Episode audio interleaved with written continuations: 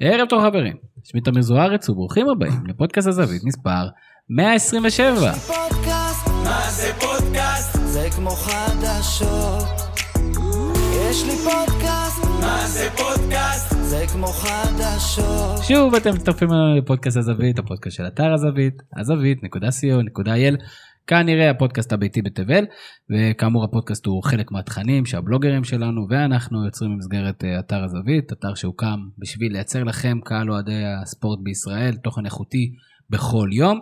ופגרת הקיץ שלנו מתקדמת ללהיטה, ובשביל אה, כל מי שפחות מתחבר לאליפויות המרגשות, כך יגידו באליפות אפריקה או לקופה אמריקה נטולת השערים, החלטנו להתכנס ולספק דוח מצב על הקבוצות הישראליות עד עתה בקיץ החמים הישראלי. לצורך הדיון הזמנו לפה פאנל יוצא דופן בתשוקתו לספורט ישראלי. ערב טוב לאוהד הצבעוני והדעתן של הפועל באר שבע, שי טביבי. ערב מצוין. אה, שי, קיץ מעניין להפועל באר שבע, הרבה התרחשויות, יש רכש, יש מצב שאפילו לא תהיה פזילה לפוליטיקה. איך אתה מדרג את הרכש הבאר שבעי עד עתה? נכון לעכשיו הוא מבחינתי לפחות כמעט עומד בציפיות. אני חושב שזה היה מהלך מתבקש לאור העונה הכושלת.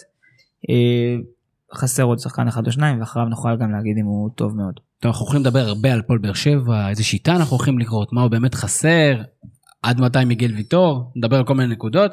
אה, עוד איתנו אה, אוהד ירוק, מוטרד, וזה הפעם אפילו לא ברק, ערב טוב למוטלה רפל. ערב טוב. מוטלה, ממה נובע הלחץ של אוהדי מכבי חיפה מהיעדר הרכש? מה, מצפים פה שמכבי חיפה תזכה בליגה האירופית? אה, לא, אוהדי מכבי חיפה פשוט לא אוהבים את השיטה המהפכנית של המועדון להילחם במכבי תל אביב, למכבי תל אביב אין אצטדיון, לנו אין שחקנים. זו שיטה שרוב האוהדים לא מתחברים אליה, וכנראה שאפשר להבין למה. אוקיי, בואו בוא נראה אם כולם אוחזים באותה דעה. כרגיל אה, נמצא לידי מפיק הפודקאסט ברק קורן, ערב טוב ברק. אהלן אהלן. ברק, מכל הבאמת שלל התחרויות הבאמת מרהיבות ורומנטיות ש- שמסתובבות, אל- איזה תחרות אתה, איזה תחרות ספורטיבית אתה הכי אה, מחכה, מצפה בקיץ הזה? אה, לתחרות קרלינג המקומית. תחרות הקרלינג המקומית, תשובה מלאה. איפה. שקומודור מנסה נמצא שם. קומודור מנסה, לחמן אה, יקירנו, אנחנו באמת, אם יש סיבה לראות את אליפות אפריקה, ואין, אבל אם יש סיבה, זה אייל לחמן. אז אה, יש לנו הרבה דברים לדבר עליהם בפרק, בגדול, כדורגל ישראלי, נדבר על חלון העברות, הוא, הוא סוג של בשיאו, כל אחד עם השיא שלו, אם אתה מביא שחקנים או אתה לא מביא שחקנים, אז אה, נדבר על מכבי תל אביב, על מכבי חיפה כמובן, ונדבר קצת על המחאה, אני עד עכשיו לא, לא בטוח שאני הבנתי עד הסוף. וגם יש לנו סקר אה, בדף הגולשים שלנו, נחשוף את תוצאותיו הבאמת לא מפתיעות. שי ידבר ויסביר לנו מה קורה בהפועל באר שבע, ונדבר גם על מכבי נתניה ועל בני יהודה. אם יש שם שחקנים שאפשר לדבר עליהם, בכלל בית"ר ירושלים ששורפת במאור בוזגלו שקצת מאיר, מנער, יש שיגידו אה, נתן קצת אה, טראפיק להפועל תל אביב, המון המון אה, דברים, יש לנו גם קצת שאלות גולשים ואני כבר רץ קדימה לשי טביבי, שי, אתה יודע, אני אוהב לפתוח איתך קטן, יש לך דעות נחרצות כלפי דברים, אז קודם כל אמרת שחסר עוד שחקן או שניים, איזה תפקידים חסרים להפועל באר שבע? אני חושב שמתחילים בזה שחסר כרגע אה, אולי החלק המשמעותי ביותר בפאזל, אה, השחקן שייכנס לנעליים העצומות שהם כנראה כפי שמסתמן משאיר אחריו מאור מליקסון, והוא יהיה סוג של אה, מספר 10, כי זה מה שמליקסון שיחק בשנה שנתיים האחרונות. ואני חושב שהקבוצה בטווח הקצר תקום ותיפול עליו. היה ניסיון להחתים אה, את השחקן הקולומביאני בלדורמו פלר- פרלזה. אני חושב שהניסיון הזה היה ניסיון... לא יאומן מה הספורט גורם לנו לעשות, אה, כן. גורם לנו לראות, ציוצים של אה, כתבים קולומביאנים. חצאי משחקים אה, של אה, קרב בושידו בין אה, שתי קבוצות קולומביאניות שהבורסה המקומית אה, מתעניינת במשחק הרבה יותר מאשר אוהדי הספורט. ראיתי קצת את השחקן, אני יכול. להבין למה חיפשו ומה מצאו בו. בסופו של דבר הוא, הוא כבר לא יהיה, אבל אני יכול להניח שזה הכיוון. אני חושב שזה השחקן העיקרי שהפועל באר שבע צריכה, אלא אם אה, יהיה פה איזשהו מהלך של הרגע האחרון מבחינת חאתם אל חמיד, שזה יטרוף קצת הקלפים, ובאר שבע תצטרך לעשות גם חישוב מסלול מחדש בחלק האחורי. אה, אני, אני קופץ רגע מבחינתך, אני יודע שאתה עוד תשאל את זה בהמשך, אני ארוץ כבר עכשיו. אה, באר שבע נכון לעכשיו בונה קבוצה שנה או שנתיים קדימה. אני לא בטוח שהקבוצה הזו שנבנית היא כזו שתקרא תיגר והעונה על תואר האליפות. אני חושב שזה סוג של בניית שושלת חדשה, אה, בתקווה שתהיה סוג של שושלת, שושלונת אפילו, אה, כמו אותה קבוצה שהביאה אז את אה, ברדה ובוזגלו ונכנסה לאיזשהו מסלול של הצלחות. יש כאן איזה שחקנים שהם להבדיל מתקופת ברדה ובוזגלו לפני השיא, לפני האמרה, בגילאים טובים, כאלה שנתנו איזושהי אה, טעימה מהיכולות שלהם, אבל עדיין לא מיצו אותם עד הסוף. ויש פה גם שינוי כלכלי עצום בתפיסה, אני ארחיב עליו קצת אה, בהמשך. בואו בוא נפתח בחיובי, קודם כל פה באר שבע סוגרת, או יחסית אה, מכסה את השורות אה, יחסית מוקדם, כבר ב- ביציאה למחנה האימונים. כנהוג אה, מסודרים. כנהוג במקומות מסודרים, אבל לא תמיד פשוט, ויש גם את הסיבות מהצד השני, לחפש שבאמת המציאות, אותן מציאות, אותם שחקנים שיכולים להשלים, אה, להמתין עד שהחלונות באירופה יתחילו להיסגר. בואו נדבר על השחקנים שהגיעו, רמזי ספורי מגיע מהפועל תל אביב, שחקן עם פוטנציאל גדול, כבר הסתובב קצת בכמה קבוצות אה, בארץ, אה, אבל אה, בהחלט שחקן שיכול להביא מספרים, דוד קלטינס, שחקן המריבה. אה, שחקן מאוד מוכשר, רק, רק צריכים להבין באיזה עמדה. אה, שטקוס מגיע מהפועל חיפה, כנראה משדרג את, ה, את עמדת, עמדת שוער. מה שבעיניי. טעות, אנחנו, אנחנו נדבר עליה תכף, בעיניי טעות קשה מאוד של הפועל באר שבע, אני הבעתי אותה. מעניין, מה שאני בטוח שאתה לא תחשוב שטעות זה עדן שמיר, שחקן שיש אה, קונצנזוס על הפוטנציאל שלו ועל סוג של איזה גניבה כזאת של הפועל באר שבע, הוא לא היה כל כך ברדאר, מגיע מקריית שמונה. אה, עם הזרים קשה מאוד להתייחס, אנחנו לא מכירים לא את אה, ג'ימי מרין, שיש לו שם של אה, איש מרינס, ואנחל אה, קריו מקורדובה, שון גולדברג מגיע, סוג של אה, שחקן אה. ליגה לגיטימית. והוא לא זר. ועוד שני שחקנים שאפשר להמר עליהם, נאור סבג וגל לוי, שאני די בטוח ששניהם היו שכנים שלי כשאני הייתי צעיר. אבל uh, יש לא מעט שחקנים, ואולי באמת, זה באמת מתחבר, ומוטלה אני אכנ- אכניס אותך לדיון. אנחנו בקיאים, אנחנו מכירים סיטואציות כאלה שקבוצות מתחדשות ופתאום מביאות עשרה שחקנים, משחררות הרבה שחקנים, אנחנו רואים כמה שחקנים מאוד משמעותיים שעזבו, ב- בראשם אה, ג'ון אוגו. איך זה הולך להתחבר? וכמה סבלנות תהיה למועדון להמתין שזה יתחבר. קודם כל אני לא יודע. טוב, בהתחלה אני לא יודע. בדרך כלל כשעושים את זה לא תודה, עובד. תודה מוטלה, כן. ועוד מישהו, אה, מה שקרה בבאר שבע אני חושב זה שיום אחד הם הסתכלו במראה וראו שהבגדים שלהם ירוקים. כשהבגדים שלך ירוקים זה אומר שאתה לא מתמודד על אליפות. ומגל לוי לנאור סבג הם התחילו להתחרות על שחקנים שיכולים לשדרג אותם ולשנות את, ה, את התפיסה מ-30 הפרש למאבק אליפות שוב. שטקוס הוא כזה, קלטינס הוא כזה, עדן שמיר הוא כזה בפוטנציה. לגבי הזרים, כמו שאמרתם, אני לא יודע, אבל uh, באר שבע מוכנה. מוכנה למחנה אימונים, מוכנה לאירופה, ואני מניח שתהיה מוכנה לליגה. אז אני אתייחס רגע למה שמוטלה אומר, ואתה הזכרת קודם, אם באר שבע מוכנה מבחינתנו, זה סוג של אופוריה אדירה. ראינו, מעבר לסגל שנסגר, ראינו שיש תוכנית מגירה מוכנה מראש כמעט לכל בלטם, שזה משהו שלא הכרנו בבאר שבע של השנים האחרונות. ואת הדוגמה הטובה ביותר ראינו בדוגמת עדן שמיר. ביום החתימה של, או הסיכום של אלמוג כהן במכבי נתניה, שהוא היה פלן A כנראה לעמדה הזו, שלוש או ארבע שעות אחרי ההודעה, ראינו את עדן שמיר בוולקאם בהפועל באר שבע. זאת אומרת מבחינתי שהעסקה הזו עקרונית הייתה תפורה עוד לפני, וזו לא הפעם הראשונה שראינו את באר שבע, גם יש פה מהלכים שמעידים הרבה על חשיבה. מי שמכיר לעומק גם את עדן, את אה, נאור סבג וגל לוי, זה עדיין לא יושב לי כל כך טוב, גם את נאור סבג וגל לוי, מאחורי שתי ההחתמות האלה עומד- עומדת בעיניי ובעיניי עוד הרבה מאוד אוהדים, החת... חשיבה ברורה, אני חוזר רגע, זה מודל מכבי תל אביב. כמו שבאר שבע נהגה וחיכתה בצורה טובה את מכבי תל אביב בתחילת השושלת, היא מחקה אותה בצורה כזו או אחרת שוב, ואת זה אני יכול להגיד גם משיחות עם אנשים בכירים במועדון, וגם משיחות שלנו האוהדים, וזה בהבנה שהשחקן ה-16, 17, 18 והלאה בסגל צריכים להיות שחקנים נטולי מניירות, שחקנים שבאים אותם אה, אה, יונתן כהן, אה, דן גלאזר אולי טיפה פחות דוגמה כזו, השחקנים שעיבו את הסגל של מכבי תל אביב שהיו שחקנים פחות יוקרתיים, פחות בעלי מניירות או אבק כוכבים, ועלו בעצם לתת את הדקות ונתנו את התחרות ונתנו מה, גם באימונים וגם על הספסל את התחושה שכשהם יעלו לארבע דקות זה יהיו ארבע דקות שהם קודש ולא בלי לפגוע בכבודו עדן בן בסט שהזמן שלו מהרגע שקראו לו להתחמם ועד הרגע שהוא החליף את החולצה זה שבע דקות כי זה לא ממש מרגש אותו הפרמיה תהיה כך או כך. ראית את השינוי הזה, את, את המחשבה, הסכמנו על זה עוד לפני זה, יגיעו עוד כמה שחקני בית שיש בהם פוטנציאל ויעבו את הסגל עוד. הסגל יהיה קצר יותר מבחינת איכות של שמות, ארוך יותר מבחינת שחקנים שיכולים לתת כל הזמן אוויר ורעב ולחדש את האמצעים, מבחינתי זה, זה מהלכים מעולים. מה, מה, מה זה אותו מודל של מכבי תל אביב? אני שומע את זה הרבה אומרים, או הרבה אנשים אומרים את זה, וזה מודל שהצליח שנה אחת. בוא, כאילו, בונים על זה טילי טילים. מכבי תל אביב בעל כורחה. על- אותו יונתן כהן, זה קרה פעם אחת. מכבי תל אביב בעל כורחה, הרבה בחסות הפייר פליי, יכולים לספר לי סיפורים על מחשבות, הפייר פליי הוא זה שאילץ אותם, מכבי תל אביב בעל כורחה למדה שיש לשחקן הישראלי שהיא גידלה, מחלקת נוער מפוארת שעוד מחזיקה פה שמות שאני, עדן קרצ'ב שעכשיו חוזר לסגל ועוד כמה כאלה שאם אור דסה הוא, הוא, הוא, הוא שחקן שמשוחרר מהסגל של, של מכבי תל אביב שבעיניי יש לו מקום ברוב קבוצות הליגה, בטח כן שחקן משלים, תבין מה ארסנל השחקנים של מכבי תל אביב במחלקת הנוער מחזיק היום. אם זה אילון אלמוג, שחקן שלא ראה שבע דקות בוגרים ו- ומשה חוגג היה מוכן להשכיב עליו 1.5 מיליון, מיליון יורו, גם מיליארד כנראה שזה חוגג הכל יכול להיות בביטקוין, אבל הרעיון הוא פשוט, מכבי תל אביב לימדה אותנו, אני חושב שזה המודל, שוב, הכדורגל הוא דינמי, מכבי תל אביב היום נמצאת במצב שאותו רעיון שהישראליות שניסו לפני כמה שנים להגיד אנחנו נבנה שני סגלים, סגל ליגה, סגל אירופה, קורס כמו מגדל קלפים ברגע שלא הצלחת באירופה, או בפברואר כשאתה נתקע עם השחקן ה-22 בסגל שהוא אבי ריקן. כשהשחקן ה-22 בסגל הוא אבי ריקן, חדר ההלבשה שלך לא בריא, הקבוצה שלך לא בריאה. ג'ורדי ניסה בתנועה לתקן את זה, אבל ראית גם על מכבי תל אביב בשלוש שנים האחרונות שלה, כשהיא נכשלה במאבק על התואר, הוא לא הצליחה, כי לעומת באר שבע בשנה האחרונה זה לא כישלון.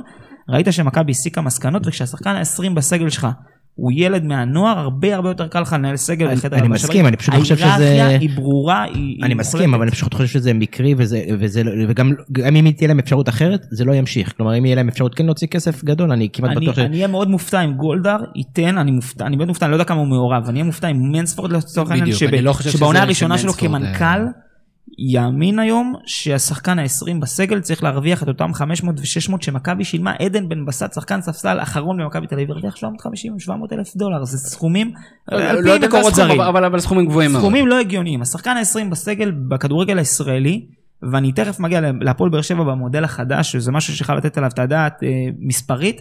שחקן ה-20 בסגל במודל הישראלי הזה, שהוא מודל בסוף, לא משנה כמה אתה משקיע עם חוקי הפייר עם הקושי לייצר הכנסות, לא יכול להשתכר בסכומים האלה, לא היררכית, לא הגיונית, אתה, והבוע הזה בחדר הלבשה סביב. כל שדרוג שחוזה צריך לדעת לעצור בזמן, יש היררכיה ברורה, יש לקבוצה כוכבים, יש לה שחקנים שהם פועלים, ויש לה שחקנים שהם שחקנים שהתפקיד שלהם זה להיות שחקני אימונים שמחכים לרגע הזה שהם יקראו לדגל. לא יכולים להחזיק בכדורגל שלנו 22 כוכבים. אה, אני רוצה לשאול את שי, כן. כמה הכישלון שנה שעברה היה מקצועי וכמה הוא היה חדר הלבשה? כי זה נראה שהמרמור היה תוצאה של הכישלון, לא הפוך. היה פה שילוב של שניהם, אני חושב שבראש ובראשונה נעשו טעויות קרדינליות שהפועל באר שבע מודע בהן בבניית הסגל, באיזושהי תחושה או איזו אופוריה שבפעם השלישית שנרוץ לליגת האלופות עם איזשהו ניסיון אז נצליח לעשות את זה, בלי חיזוקים משמעותיים, ובתחושה שמה שעבד ימשיך לעבוד, וזה קרס בצורה כמעט טוטאלית. מעבר לזה, שוב, אותו דבר שדיברתי עליו קודם, גם חיזוק של שחקני רוחב מאוד מאוד בינוניים, ו... אה, או החוסר יכולת לייצר איזושהי היררכיה ברורה בסגל, שבסופו של דבר נקלענו עם 20 שחקנים בכירים, so called, למסגרת אחת בליגה, זה לא הצליח לייצר אה, חדר הבשה, ואז קרו דברים שהם טעויות קריטיות של מועדון, אם זה החצי ניפוי של בן סער והחזרה שלו, אם זה חנן ממן בחוץ, דברים שהם, אני טעיתי, אני שאלתי את השאלות האלה בקול רם, אני אשאל אותם שוב, דברים שעולה בהם ספק מקצועי, ספק אישי, ספק חלטורה שלא קשורה לכדורגל בשום צורה, זה לא התנהלות של מועדון מקצועי. באר שבע הסיקה מסקנות, אני מאמין, וזה עושה רושם הרבה יותר טוב, אני לא חושב שזה יסתיים בתואר השנה, זה עושה רושם שהמועדון חזר למסלול. זה עושה, זה עושה רושם טוב, אני, אני גם כן מסתכל אה, כמתבונן מהצד. אה, רק אה, מה שחסר לי בסגל הזה, חסר לי מנהיג. מי המנהיג של הפועל באר שבע? בהנחה והוא כשיר אז מיגל ויטור אמור להיות זה שנותן את התור. אני חושב שחוליית ההגנה מורכבת משחקנים ותיקים שלקחו אליפות בהפועל באר שבע. אם זה בן ביטון שנוטים ככה לשים אותו בצד, שהוא שחקן עם הרבה אופי, הוא מאלה שנותן את הטרש תמיד. ואת הרב ראשון עם השופט בכל הזדמנות. ברוב הזמן כמו דביל, אבל בן ביטון אה, ולואי טאה ומיגל ויטור וחאתם אל חמיד ושטקוס חוליית ההגנה מתייצבת בעיניי עם ויטור כשיר כחוליה מהיותר טובות בליגה. אבל מה- ההסתברות לזה? כלומר, למה הם בונים, איך איך עדיין בונים קבוצה על ויטור? אני לא חושב שבונים בשנת קבוצה על- 2019. אני לא חושב שבונים קבוצה. א- איך הוא עדיין שח- תופס מש- משבצת של זר, כשהוא אה, אפשר לעשות לא את יודע, כל הדברים. מוזר, אני יודע. ממקורות, שוב אני חוזר למקורות פנימיים, ויטור קיבל את הפלייאוף העליון, כי אמרו, או נאמר במאמר מוס- מאמר מוסגר וגם לוויטור עצמו, שאם בפלייאוף העליון הוא כשיר, ובעצם ישלים את ההכנה לעונה בצורה סדירה. אגב, זה הניתוח הראשון שהוא עובר. חשוב לשים את הדברים על השולחן. ויטור התחיל פה באיזשהו קונספט. זה לא אה, מבדק כמה ניתוחים הוא עובר, זה כמה משחקים לא, הוא משחק. יש בזה, יש בזה איזשהו משהו שצריך לקחת בחשבון. כששחקן בפעם הראשונה הולך לניתוח ומשחזר רצועה בפעם הראשונה ובפעמים הקודמות הלך לאיזשהו קונספט של החלמה טבעית בבנפיקה, שהפורטוגלים הצליחו לה, להגיד לו שזה הדבר הכי טוב שקרה מאז שקולומבוס יצא שם למסע, אז לא יודע איך הוא השתכנע שזה הולך להיות טוב, לא ברור לי. בסרביה? כל העולם עושה ניתוחים לשחזור רצועה, מיגל ויטור הולך לעשות אה, שחזור טבעי עם איזה, לא יודע. בחלוקי נחל. לא נכנס מאיפה זה מגיע, הוא עשה שחזור רצועה, אני נוטה להאמין, גם הפציעות הקטנות שקרו מאז שחזור רצועה זה פציעות עומס טבעיות, זה פה מתיחה, מתיחונת, לא דברים שהם מאוד קריטיים. ויטור עושה פעם ראשונה ניתוח שי, אני שואל אותך שורה עכשיו- תחתונה הוא לא משחק כשלא שנתיים. אתה עכשיו לפני, אני שואל אותך לפני העונה בתור אתה- אינטליגנט, רגוע? אתה מאמין, בדיוק, אתה רגוע, אתה מאמין שהוא יסיים את העונה הזאת כשחקן הרכב? יש להם שני בלמים חוץ ממנו. יש לנו לא שני בלמים חוץ ממנו. אני אגיד לך משהו, ויטור הוא מהשחקנים שאתה לוקח עליו הימור, אתה מהמר עליו. אין הרבה שחקנים, אתה לא יכול להביא אתה- בלם ב-level הזה. זה לא השנה הראשונה שאתם מהמרים עליו. נכון. מעניין, וזה מוביל אותי לשאלה הבאה, האם אנחנו הולכים לראות בעקבות חומר השחקנים, בעקבות זה שיש את נייג'ל, שיטת שלושת הבלמים בצורה... קרוב לוודאי. זאת אומרת, אין, אין אה, אפילו ברכש, או לא הולכים לכיוון הזה של להביא שחקני אגף שמתאימים ל-4-3-3. חומר השחקנים הוא לשלושה בלמים, הוא לשלושה בלמים כמו שבכר אוהב עם היכולת הגמישה, אנחנו נראה לא מעט את קאבה כבלם, את תל חמיד אם הוא יישאר יכול לעלות לקישור, את קלטינס כבלם שמצטרף לקישור. בכר מחזיר פה לעצמו, אחרי עונה קטס... בכר הוא, הוא בעונה, אם אני הייתי מגדיר אותה במונחים של שחקן, עונה מזעזעת, בהחלטות שערורייתיות שלא מתאימות למה שהוא רגיל ומה שהתרגלנו ממנו. הוא מחזיר את השחקנים שהם שחקני בכר יותר באופי, גם דוד קלטינס, גם עדן שמיר, שחקנים ממושמעים, וכאלה שיוכלו לעשות התאמות למערך, כי באר שבע אכלה אותה ביג טיים שחקנים בשנה האחרונה שהם אה, לא, לא, לא שחקנים ברק בכר, לא סאבו ולא לא עוד כמה שלא ננקוב כרגע בשמם, שלא ידעו לעשות את ההתאמות, נראה, נראה שזה שלושה בלמים, נראה שזה קבוצה שמשנה מערכים בתנועה וכן מתאימה את עצמה, נראה שזו קבוצה יותר אפורה, הוא דומיננטי כבעבר בארגון, שהעונה הזאת פגעה בו?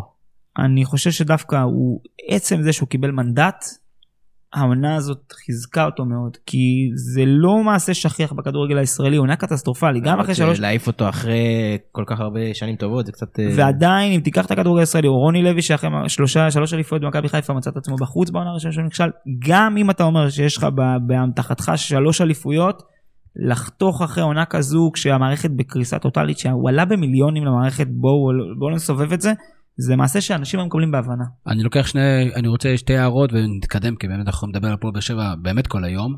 א', אה, לדעתי ברק בכר יהיה בלחץ אטומי בתחילת השנה, וראינו שנה שעברה שהוא מגיב לא בהכרח טוב ללחצים האלה.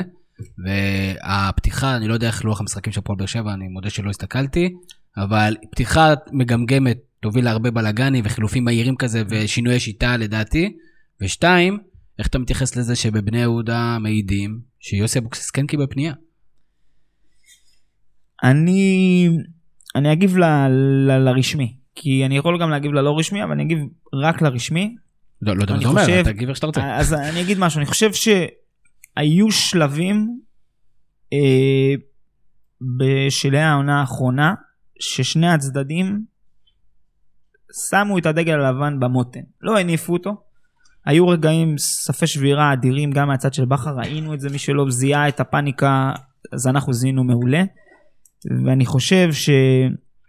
אה, זה היה מסוג הרגעים שהיה צריך מה שנקרא גפרור קטן כדי להצית מדורה גדולה ואנשים מתוך המערכת מה שנקרא הרגיעו אה, בצורה מאוד מתונה את הסיפור כי, כי הייתה תחושה של, של בשני הצדדים מיצוי מאוד גדול, אה, אכזבה עצומה מהחלטות מקצועיות, מבחירת שחקנים שבסופו של דבר לא הוכיחה את עצמה אה, ולדעתי יש פה הייתה הבנה שללכת בקיץ אחד לשינוי עד כדי כך קיצוני של יכלול בו את החלפת בכר זה, זה יותר מדי גדול. אני חושב ששני הצדדים רצו, חשבו, פלירטטו עם הרעיון להיפרד, ושניהם בסוף עשו מבחינתי את הבחירה הנכונה לפחות לעונה הקרובה. יש לו, יש לו גב. מהקהל, כלומר, אם במקרה של התחלת עונה לא טובה, זה יכול להיגמר בינואר? כן. מבחינת הקהל? לדעתי אני בטוח. שזה, אני חושב שזה גם, זה, זה לא טובה לגיטימי, בואו. מי שמנסה פה לצייר איזשהו נכון. תסריט, לא, פרגרסון או סיפורים כאלה על אה, המאמן שלו, גזרה מיתולוגי, לא זוכר את השם שלו, גירו. נאמר, זה לא, נאמר פה שהוא יכול אה, לאמן עד שהוא מחליט אחרת. זה נחמד, הכדורגל היום הוא, כדורגל אחר, הקהל הוא הרבה יותר דעתן, הוא תחושת לקוח, ותחושת לקוח, שלקוח בא ורואה אכזבה פעם אחרי פעם אחרי פעם, ומשלם 1250 שקל מאני בבאר שבע, זה לא עניין שזה, הוא רוצה, תשמע, הוא רוצה את הראש של מישהו. ואתה לא לקח את הראש של 11 שחקנים, חתכו. ברור, מובן, זה בסדר, והפועל באר זה שבע הם לגיטימי. לא- לא יותר קדושים, לא יותר אגב, קדושים מאשר אחרים. ברק בכר, הוא שח- השכר שלו מעל השחקנים היום בסגל, הוא נמצא במעמד אחר, מצפים ממנו לתוצאות. עוד משהו קטן שהקיץ הזה מראה ש... וזה חשוב לליגה גם שבאר שבע מראה שהיא תפיסתית לפחות כלפי עצמה היא עדיין תופסת את עצמה כקבוצת צמרת. ולא קבוצה בינונית כי היה כבר דיבורים על זה שאלונה תעזוב היא תחזור להיות קבוצת אמצע אגב מה הסיפור עם אלונה? מישהו יודע זה סופי שהיא נשארת? לא סופי כלומר אני חושב איפה זה עומד הדברים? בין אם היא תרוץ בסוף באיזה מהלך של אה, סוף חלון העברות אה, לפוליטיקה ובין אם לא, רואים שיש כוונה להמשיך להשקיע בקבוצה, אף אחד לא שם עכשיו אה, 10-12 מיליון שקלים אם יש לו כוונה מחר לא להיות.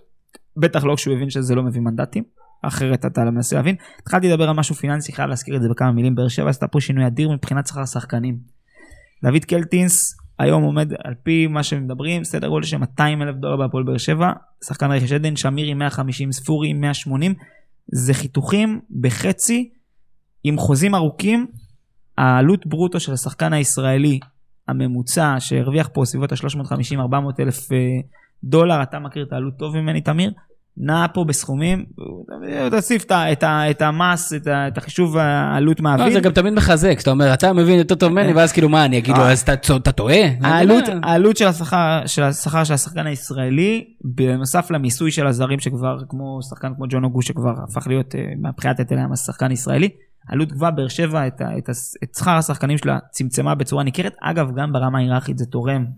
אין לנו יותר איזה פקארט שמגיע עם 600 אלף וגורם לטוני נאוואקמה לבוא ולהגיד אני שובת עד שלא משדרים את החוזה שזה קרה אגב. בצד השני שוב, יכול להיות שזה יעלה לכם באיכות מסוימת של שחקני הכרעה וכאלה שקיבלו את הכסף הגדול, חלקם בצדק, חלקם כמובן, וראינו את זה בשנה שעברה, הרבה לא בצדק. אה, הפועל באר שבע הולכת לשנת מבחן, אני כן מסכים שהדבר החיובי ביותר של הפועל באר שבע זה ההשקעה, זה שנמצאים, זה שמתחרים על שחקנים.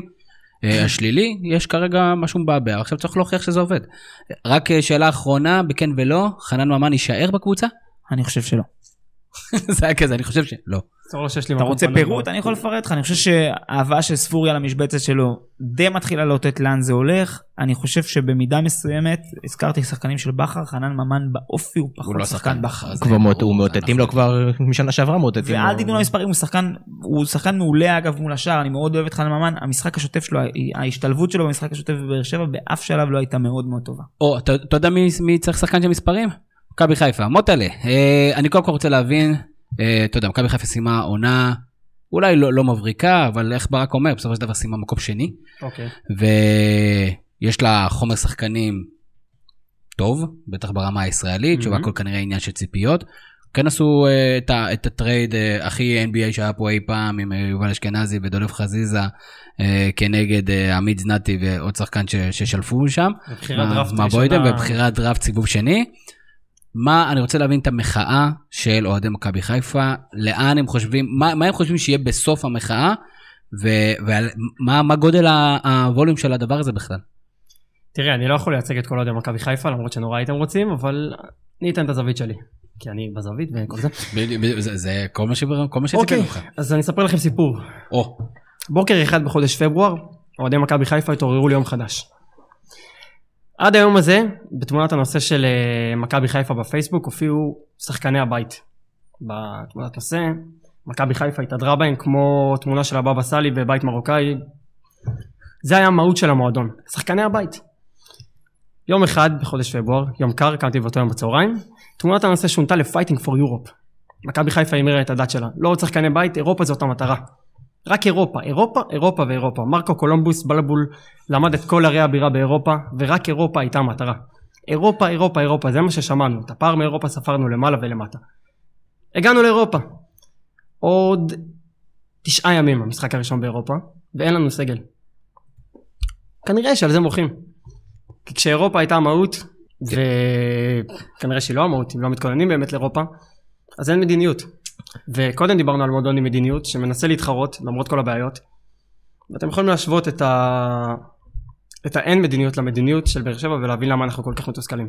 או לפחות חלקנו. אז אה, קודם כל קטע מעולה, אפילו כמונולוג, אפשר אחרי זה לעשות מזה טור, זה, זה באמת, אה, אני מדבר מהר מדי בשביל מונולוג אבל זה, זה אחלה, זה אחלה נושא, ואני בטוח שברק עוד מעט ירצה אה, להתעמת עם חלק מה, מהטענות או הנקודות, אני גם חושב שאני גם מסכים עם חלק מהדברים.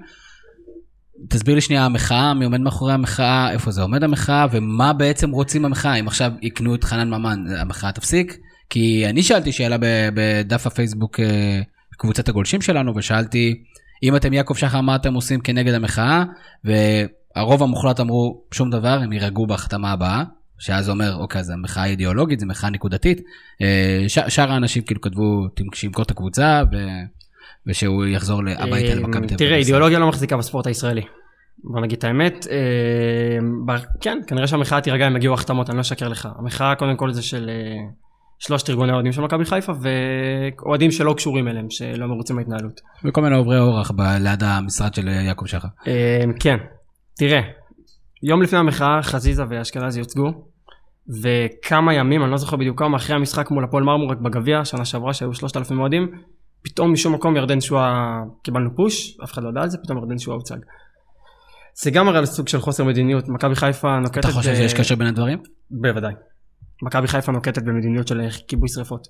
היא מנסה לרצות את הקהל שלה, זה התחיל מזה שהביאו את ראובן עטר, וזה ממשיך וממשיך וממשיך, ובמקום אה, להתעסק בכדורגל ולהתעסק... להביא את ב- השחקן הצעיר הכי טוב בפ- ב- בליגה, ב- שכל הליגה רודפת אחריו בינואר, זה, אם אתה קורא לזה, לא יודע, זה נשמע לי מאוד מוזר, ואני אוהד מכבי חיפה, נשמע לי להגיד שזה בגלל מחאה כזאת או אחרת, לא משנה בגלל מה זה, להביא שחקן כזה, ועוד להאשים את המועדון בחוסר מדיניות אחרי שמביאים שחקן כזה, נשמע לי מוזר. תראה, מועדון שחוסם אוהדים שמגיבים אה, לא לרוחו, זה קצת לא תלוש שהוא מביא שחקן רק בגלל מחאה.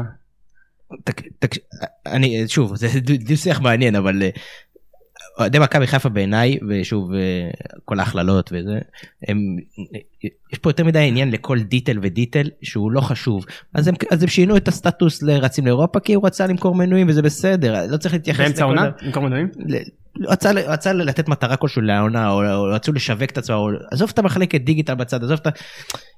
יש פה יותר מדי אה, ירידה לפרטים אני אני טוען שהקהל של מכבי חיפה הוא מאוד מאוד מאוד מאוד לא ממוקד בדרישות שלו קודם כל צריך להבין את הדבר הכי בסיסי שכל הקבוצות הבינו אין היצע אין היצע של שחקנים ושחר לדעתי בצדק לדעת אחרים לא בצדק אמר שהוא אין פה שחקן ישראלי ששווה להתאבד עליו כלכלית זה אחד. שתיים אין פה פוקוס ב... לפחות אולי אני לא מבין אותו. יכול לעצור ב- אותך עם איזה שאלה קטנה? ושחקן זר שבחצי שנה ששיחק פה הוכיח שהוא קצת מעל הליגה, זה לא כזה ששווה היה להתאבד עליו? אני כלכלית? מסכים, אני אמרתי פה בסוף שנה שאני הראשון שבעד לה- להשאיר את פריי ומנג'ק. שוב, אני לא מכיר את העניינים הכלכליים ואת האילוצים הכלכליים. אני רק, תכף אני אענה לך גם על זה, אבל אני רק אומר, החוסר פוקוס פה הוא... הוא לא ברור, שנה אחת אומרים למה הם מביאים צעירים אז מביאים צעירים אז אומרים למה אין רכש, מביא, אומרים תביאו מוכחים, מביאים שחקנים מוכחים אז אומרים למה צריך להביא שחקנים מוכחים. אי אפשר כאילו, אי אפשר לשגע, הקהל מאוד לא מרוצה באופן תמידי. וזה זה משהו שמאוד בולט, לא משנה מה יקרה, ואם הוא עושה משהו טוב אז, אז זה בגלל מחאה, ואי אי אפשר לא לתת קרדיט בכלל אף פעם, זה, זה דעתי. לגבי הזרים, אני באמת באמת, במיוחד שאני רואה את העברות ה, עם המחירים ה- לדעתי מופקעים, מופרעים שרצים פה, הכל יפול ויקום, הגיע הכל, הזמן, הכל, אבל- הכל יקום ויפול על זרים. אם עכשיו יפגעו פה בארבעה זרים או בשלושה זרים, הקבוצה עם הסגל הנוכחי תרוץ קדימה ותרוץ חזק אפילו. אני מסכים, אבל הגיע הזמן להקל שמחירי השוק קצת השתנו, ולהתחיל קצת לשחק אין- את אין בעיה, המשחק. אני- גם אדון ירדן שועה לא היה שווה את ה-1.2 מיליון אירו. מסכים. אה, אני מיד- אני מחזיר את הרשות השידור שנקרא למוטלה, אני רק אומר, אומרים פה שאין יד מכוונת או דבר כזה, אני טוען בדיוק הפוך, דווקא היד מכוונת מאוד ברירה, אה, ברורה, האוהדים לא אוהבים את זה, אבל היד מכוונת מאוד ברורה. שחקנים צעירים, רעבים, זה התחיל משואה, זה עבר למקסים, זה עבר לחזיזה, זה עבר לאשכנזי, המגמה מאוד ברורה, הולכים על כיוון צעיר וזול יחסית ולטווח ארוך. אולי השחקנים לא אוהבים, השחקנים, האוהדים של מכבי חיפה אוהבים להרגיש מכבי תל אביב, הם רוצים לראות שאנחנו מתחרים על כל שחקן רכש, שקלטינס מועמד למישהו, הם רוצים לראות שאת מכבי חיפה נלחמת עליו. ככה היינו פעם, הבאנו את עידן טל, הבאנו את כולם, אבל זה בצדק. לא, לא בצדק. אני לא חושב, ש- אני לא רואה שזה הוביל מישהו לאנשהו. אני, אני רוצה להוסיף בנושא הזה, אתה אמרת שמכבי חיפה אה, לא רוצה להשתגע עם הכסף, דווקא אני חושב שהדוגמה של הפועל באר שבע היא דוגמה שכן קצת שומעת את הקרקע תחת הדיון הזה, כי כביכול הייתה אופציה ב', היו שחקנים טובים שהפועל באר שבע החתימו, שמכבי חיפה יכלו להחתים בכסף לא גדול. אגב, בגלל שיודעים שהנהלה לחיצה כזאת, ולצורך העניין, שוב, אני אה, לא, לא, לא חסינת ביקורת עליי, אבל המחאות האלה והדברים האלה יכולים להביא אותם לעשות צעדים פזיזים לא נכונים. אז תנו להם לעבוד, תבקרו אותם בסוף הקיץ. זה דעתי. זו לא, דעתי. זה, זה אני, אני, גם זה אני מסכים, אבל אני גם מסכים עם מוטלה, שהוא עוד מעט ימשיך וירחיב על, על, על הצד שלו, ומה צריך, ו, ומה בעצם חסר בכלל, שאנחנו מדברים רכש, רכש, רכש. זה הנקודה הזאת שאירופה באמת עוד שבוע, אז נכון, לא תזכו בליגה האירופית, אבל גם כן לעבור שלב. זה חשוב. ו- למה? חשוב כסף, אתה מקבל דירוג, ואולי עוד שנה, עוד שנתיים, תוכל לעשות קמפיין יפה שיעשה עוד כסף, אנשים רוצים להצליח חשוב, באירופה. אבל פרופורציות. לא יקרה כלום אם מכבי חיפה תתאפק, לא תביא את השחקן עכשיו מהר מהר מהר מהר בשביל אירופה, שאגב כל החוזים שלהם נפתחים רק היום, ואז היא לא תעבור שלב באירופה, או זה, אבל תביא את הזר הנכון. זה הרבה הרבה יותר חשוב, הליגה בעיניים שלי. בעשרות מונים חשובה מסיבוב בעיה, משתיים. אבל באירופה. הבאת גם זר נכון. האוהדים לא מסכימים לזה. אבל הבאת זר נכון, ואתה לא, ואתה לא לוקח אותו, ואתה לא, אני חושב ששני הזרים, שהם, שהם גם מנג'ק. וגם קנפרי, שום דבר לא נגמר, שום דבר עוד לא הוכרע, שום דבר, אני לא חושב ש... כאילו, מסיקים מסקנות מהר מדי פה. זה המצב הקיים. טוב, אז אני מציע שהסלוגן הבא של מכבי חיפה יהיה fighting for August. אנחנו נחכה, אין שוק, אולי יהיו שחקנים, אולי לא יהיו שחקנים. נחכה מה חסר. למכבי חיפה? נחכה ונחכה. כשאתה אוקיי. מסתכל על הסגל, מה חסר?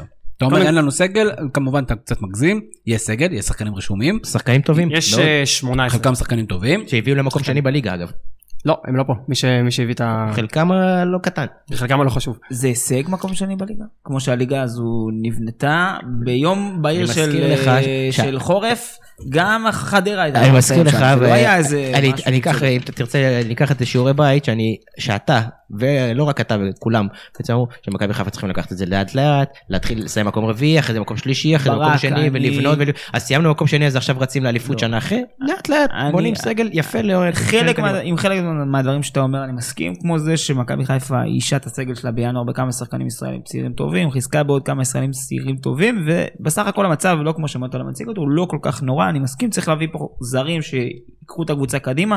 כבר ראינו שחמישה זרים טובים לוקחים קבוצות קדימה גם את הפועל חדרה שהשתמשנו בה כמה שניות קודם. אז זה אני מסכים. עם החלק השני שמכבי חיפה את המנטרות האלה ששחר כבר זורק כמה שנים טובות אני לא חלק מהמאבק כי ארכדי פה ואני לא חלק מהמאבק כי מיץ' כאן. אתה מכבי חיפה. ומכבי חיפה עם, עם הטייטל שלה כמועדון ענק בכדורגל הישראלי אנחנו- עדיין כזה וזה עוד שיח אבל אי אפשר להגיד שאנחנו לא. במשחק, אין קיץ או אין שנה קלנדרית שאנחנו לא מביאים את אחד השחקנים אם לא השחקן הכי דומיננטי בשוק ההעברות אין דבר כזה אם זה שועה אם זה היה שכטר אם זה עטר אם זה רמי גרשון אם זה קיאט שוב צריך לברר למה זה לא עובד אבל אי אפשר, אי אפשר לבוא לשחר בטענות הדבר אני לא היחיד מצליח הדבר להבין את היחיד שאני הטענות. מסכים איתו בלי סייגים שהמערכת אחרי כל כך הרבה שנים של פאניקה שמחפשת עצמה כבר האמת שאני לא בטוח מה, מה האסטרטגיה הנכונה אז אולי דווקא האסטרטגיה הזאת דיברנו על זה. ללכת לכיוון איך- הזרים. איך ויותר מת- הזרים. איך זה מתחבר הניסיון החתמה של- או ההצעה למאור בוזגלו? זה מתחבר לחוסר מדיניות שאמרתי Mm. מקודם, שחקן שכבר עזב אותך ושלא הסכים לתנאים שלך, אתה רודף אחריו. אני חושב דווקא ההפך זה שלא נלחמו עליו והביא- הציעו לו סכום.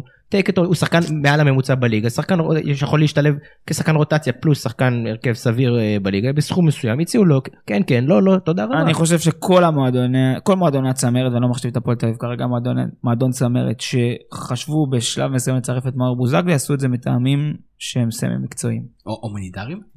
לא, אבל אה, מאור בוזגלו הוא שיעת אה, אינסטגרם, הוא, די, עזוב, נו, הוא כוכב של יחסי ציבור. אני לא רואה בו אה, כרגע ברמה המקצועית.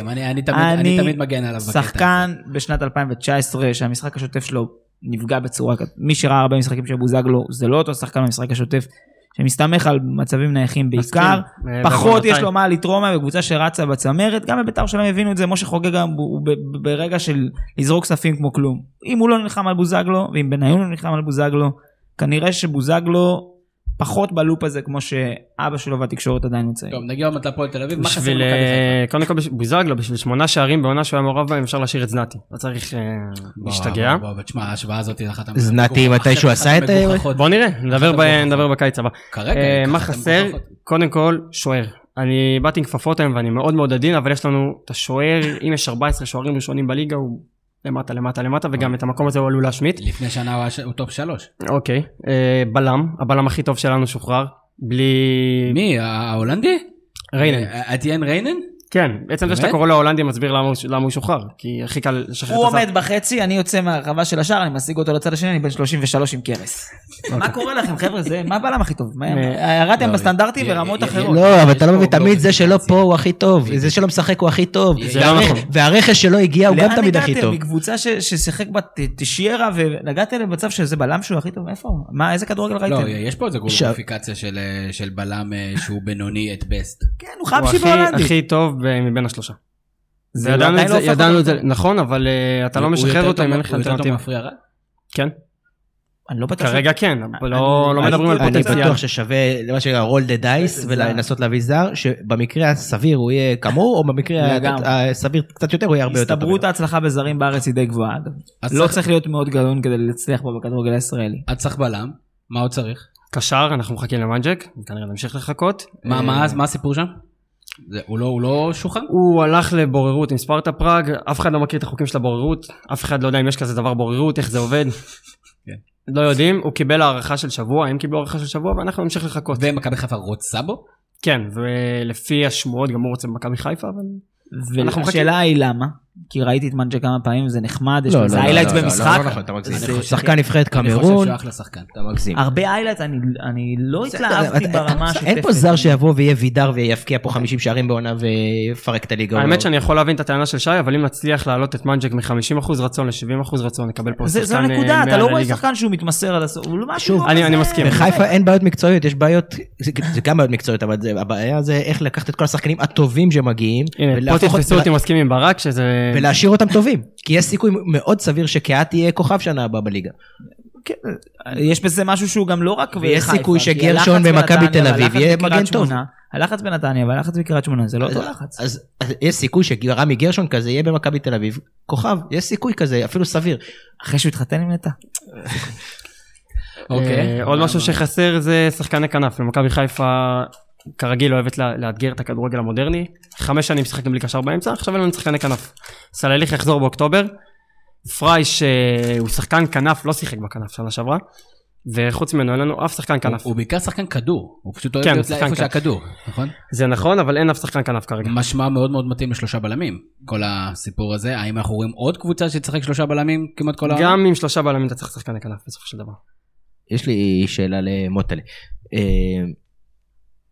אני שומע הרבה, תביא, להביא, להביא, להביא. אני אשמח לשמות שהם לא זרים, בסדר? מי. מהשחקנים שהועברו כבר בקיץ, או פנויים או ריאליים של נביא, היית, אתה בתור אוהד מכבי חיפה, רצית בקבוצה. רועי או- קיאט. או שאתה חושב- שהיה צריך אה, בקבוצה, שים בצד עלי מוחמד, אני מסכים, שים אותו אז בצד. רגע, לשים בצד את מי שרלוונטי? פשוט אה, לא, שזה חושב- שלך. מי אתה חושב שמכבי חיפה היו צריכים להתאבד עליו השנה? השחק- השחקנים שאנחנו מכירים ישראלים.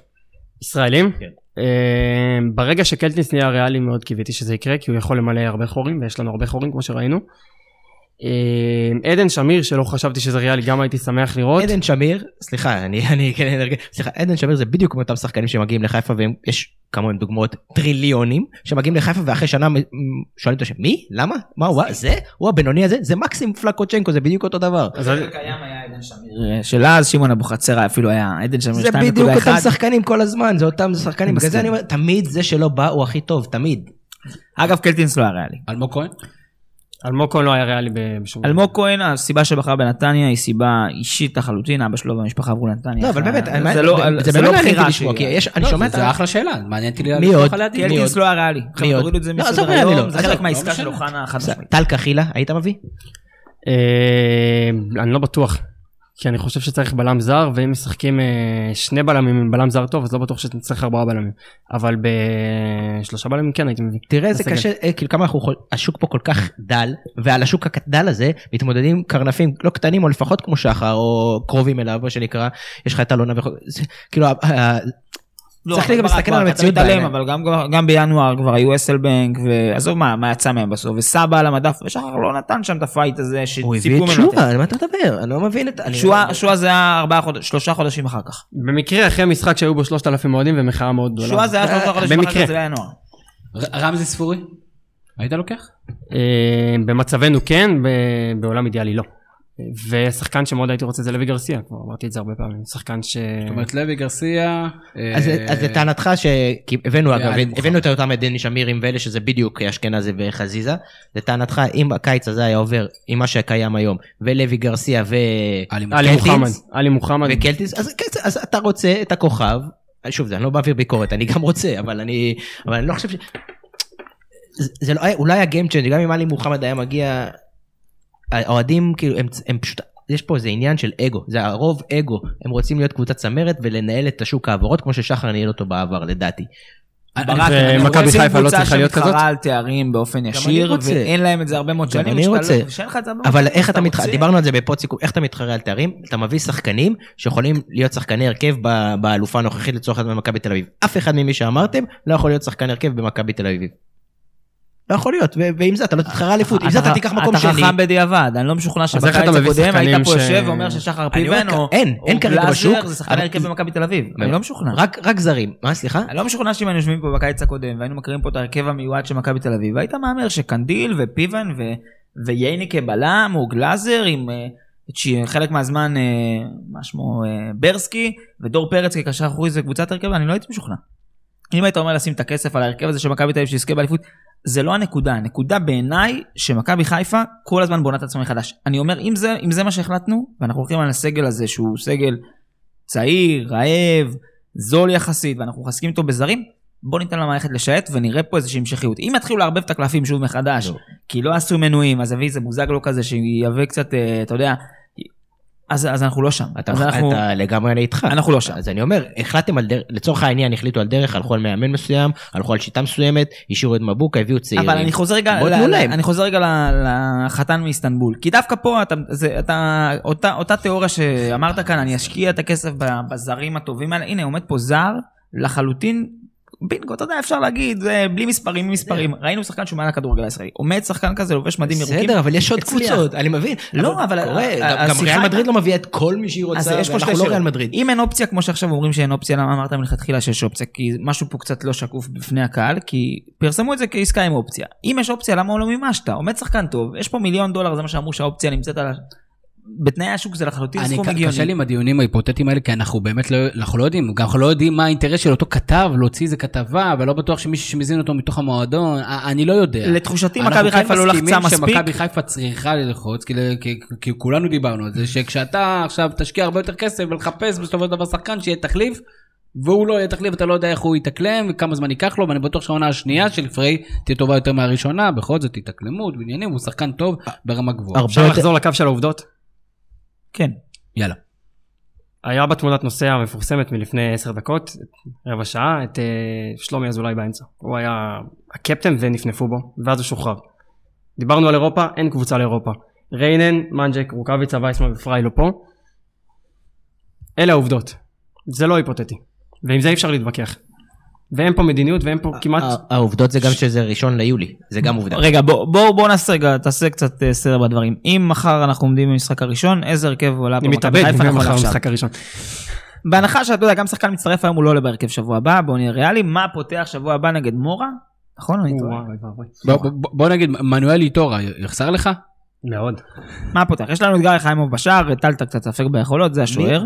מי רכשו מכבי תל אביב? לא, לא, עזוב, עזוב רגע, עזוב, אל תשווה, אתה- בוא, עם כל הכבוד. לא, מה? בוא, גיא, למה לא? אה, ברק, כי מכבי תל אביב היא פור של 96 נקודות ממך, אתה לא לא יכול להשיח. מהמקום של מכבי תל אביב, סלח לי. אנחנו לא מדברים. על שיט- דרך, על זה שיטה. לא עניין של דרך, מי שלא צריך לתקן, אז מישהו, שהוא רץ לחלון העברות, הוא נותן קצת שיפורים, זה fine tuning. אתה לא במקום של fine tuning, אתה במקום שצריך לקחת את עצמך ל-30 נקודות פער האלה. הכל שאלה של ציפיות. אני מסכים עם, עם הקטע הזה עם ברק לחלוטין. יש פה איזו תפיסה שמכבי חיפה שנה שעברה התרסקה.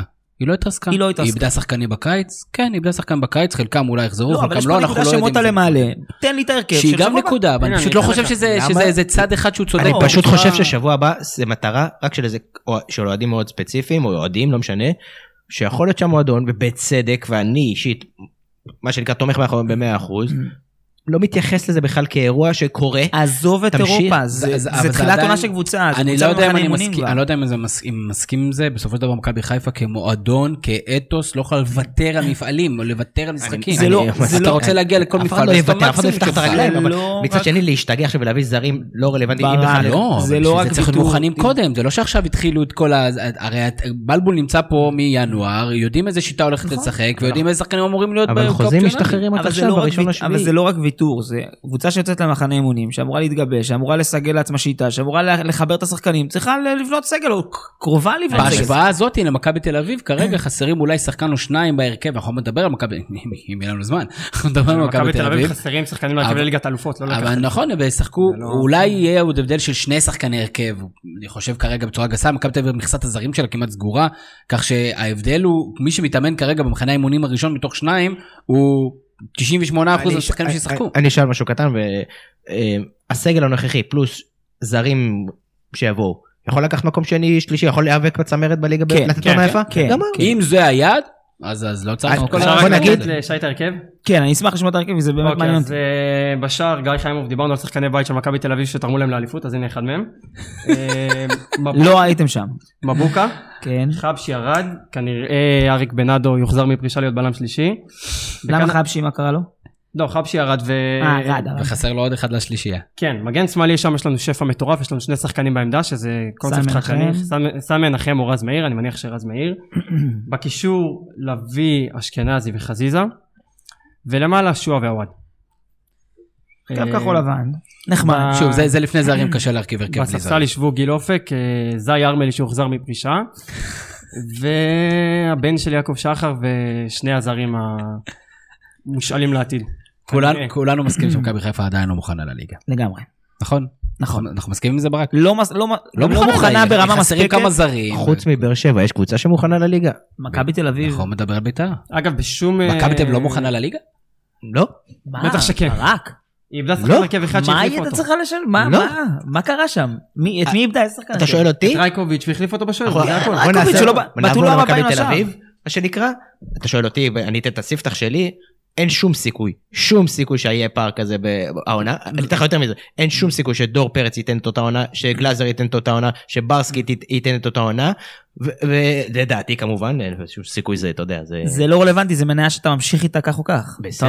אבל זה שזה הצליח שנה שעברה, שחצי עונה אף אחד בכלל לא שיחק פה וקבוצות ויתרו לפני שהם הגיעו בכלל למשחק וזרקו שם משחקים, לא מתלהב לא, מהעונה העונה האחרונה ככזו לא תהיה. אני מסכים איתך, זה לא יתווה את העונה הבאה, אין ספק. עדיין יש שם סגל. אני חושב שאם אם מכבי תל תיקח אליפות בעשר הפרש זה יהיה אכזבה? לא. גם אם היא זה תיקח גם- בנקודה, זה גם לא ריאלי, זה גם מספרים ריאליים. האם מכבי תל היא הפיבוריטית כרגע במצב. הקיים, האם היא הפיבוריטית? למרות שהיא לא מוכנה לליגה וחסרים לה כל כך הרבה שחקנים, כנראה שכן. ציניות, למשל. אתה- אתה- אתה- אתה אמרת, אתם- מוכנים לאירופה? או שאתם... אני חושב שלמכבי תל אביב אין שום סיכוי לעלות לליגת האלופות. אירופה שלהם. אז אתם זורקים את שלנו. המפעל. לא שמכבי חיפה- אנחנו לא- חיפה אנחנו. לא זורקים, מכבי תל אביב מגיעה כאלופה המכהנת עם 30 הפרש מהמקום השני, כן. עם סגל ישראלי חזק, אם מכבי תל אביב, לפי הדיווחים היום, אה, משאירה את אלי דסה, זה חיזוק מאוד מאוד משמעותי, מביא את המגן הימני הכי טוב בארץ, תחשוב שזרקו אותו והחזירו אותו בהרבה כסף, זה רכש נהדר לחדש לו את החוזה. מכבי תל אביב צריכה שני שחקנים להתחזק, כדי לטעמי להמשיך להיות משמעותית יותר מאחרות. מכבי תל אביב בסוף השנה הזאת, נכון שאולי זה לא משקף, שיחקה עם חצי הרכב ופירקה את כל הפלייאוף העליון. לא, זה לא- זה לא משקף. די. זה לא מה משקף.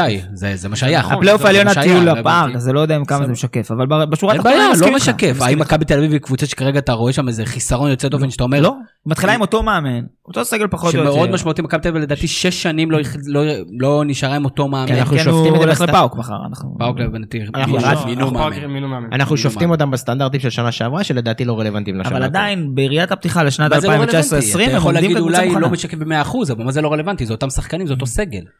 זה- לא ש... מכבי עדיין לא איבדה אף שחקן למעשה. היא איבדה- את רייקוביץ' והחליף אותו. והביאה זה בסדר. אה, בכדורגל הישראלי גם דחליל בשער של מכבי תל אביב היה- לא היה משנה הרבה את המספרים שהיא ספגה לו. אז אני לא יודע להגיד למכבי תל אביב לא מוכנה לליגה, היא לא מוכנה לליגת האלופות, כי גם כן לדעתי עוד שני שחקנים שהיא כן תביא, גם אם תביא חלוץ על ועוד בלם מדהים, היא לא תגיע לליגת האלופות. אני, אני מאוד נכון. מאוד מקווה שזה יספיק לעשות קמפיין צריך שיסתיים לזכור בשלב הבתים של ששינו הליגה את השיטה האירופית. בליגת האלופות. נכון. זה לא מה שזה היה. ו- נכון, ומכבי תל אביב איבדה נקודות אה, של, מהקמפיין מלפני חמש שנים עם סוזה, שהיה מאוד משמעותי. מכבי תל אביב הם גם מתחילים יותר מאוחר לדעתי מאיתנו, לא? כן. הם מתחילים, מי יותר מתחיל?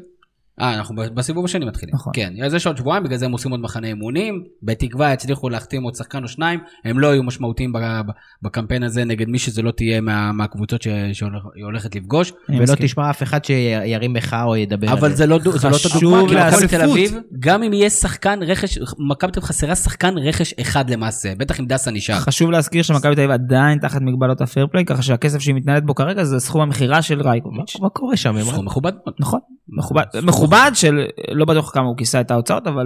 שוב, כשלעצמו אני, אני. לא יודע שוב, אני, אני, אני לא מספיק בקיא בנתונים האלה, לא נתונים שחשופים לנו, אני מניח שמכבי תל אביב יש 2-3 מיליון יורו שיכולים להשתמש בהם, אני לא בטוח שצריך להשתמש בהם, ראינו שכסף גדול לא בהכרח נכון. מחזיר את זה, מכבי תל אביב כרגע יש סגל טוב, אם אה, עדן קרצב, שראינו קצת ניצוצות ממנו בשנה שעברה, יכול להיות אותו שחקן 15-16 בסגל, זה, זה החתמה טובה מאוד, בטח אם חושבים שדור פרץ בקונסטלציה כזאת או אחרת יכול עוד חצי שנה. מסכים, סגל אה, טוב, סגל. שכרגע לכדורגל הישראלי עדיין שם אותה כפייבוריטית. אבל שוב, אם אתם שואלים אותי מה חסר מכבי תל אביב, מכבי תל אביב צריכה בלם טוב, אני לא יודע מה המעמד של המדור, לדעתי הוא די תלוי באם יגיע בלם אחר, אה, בלם טוב, אני חושב שהעזיבה הצפויה של איתן טיבי אה, היא לא איזה מכה יוצאת דופן, אבל היא כן מכה, אני כן חושב שאיתן טיבי הוא, הוא בלם טוב.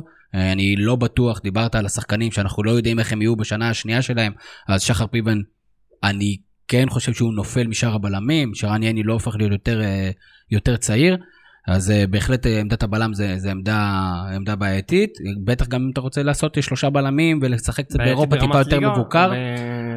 לליגת האלופות אל תופיע. עזוב, שני ישראלים, עם כל הכבוד, בגובה של יני ופיבן, אל תופיע לליגת האלופות, אתה הולך לאכול שם ליגת הכל האלופות וגם בליגה האירופית נגד קבוצות. ראינו את זה עם אלחמיד וטאה, זה לא, היה אני קשה לצפייה. מסכים שזה, מרכז הגנה.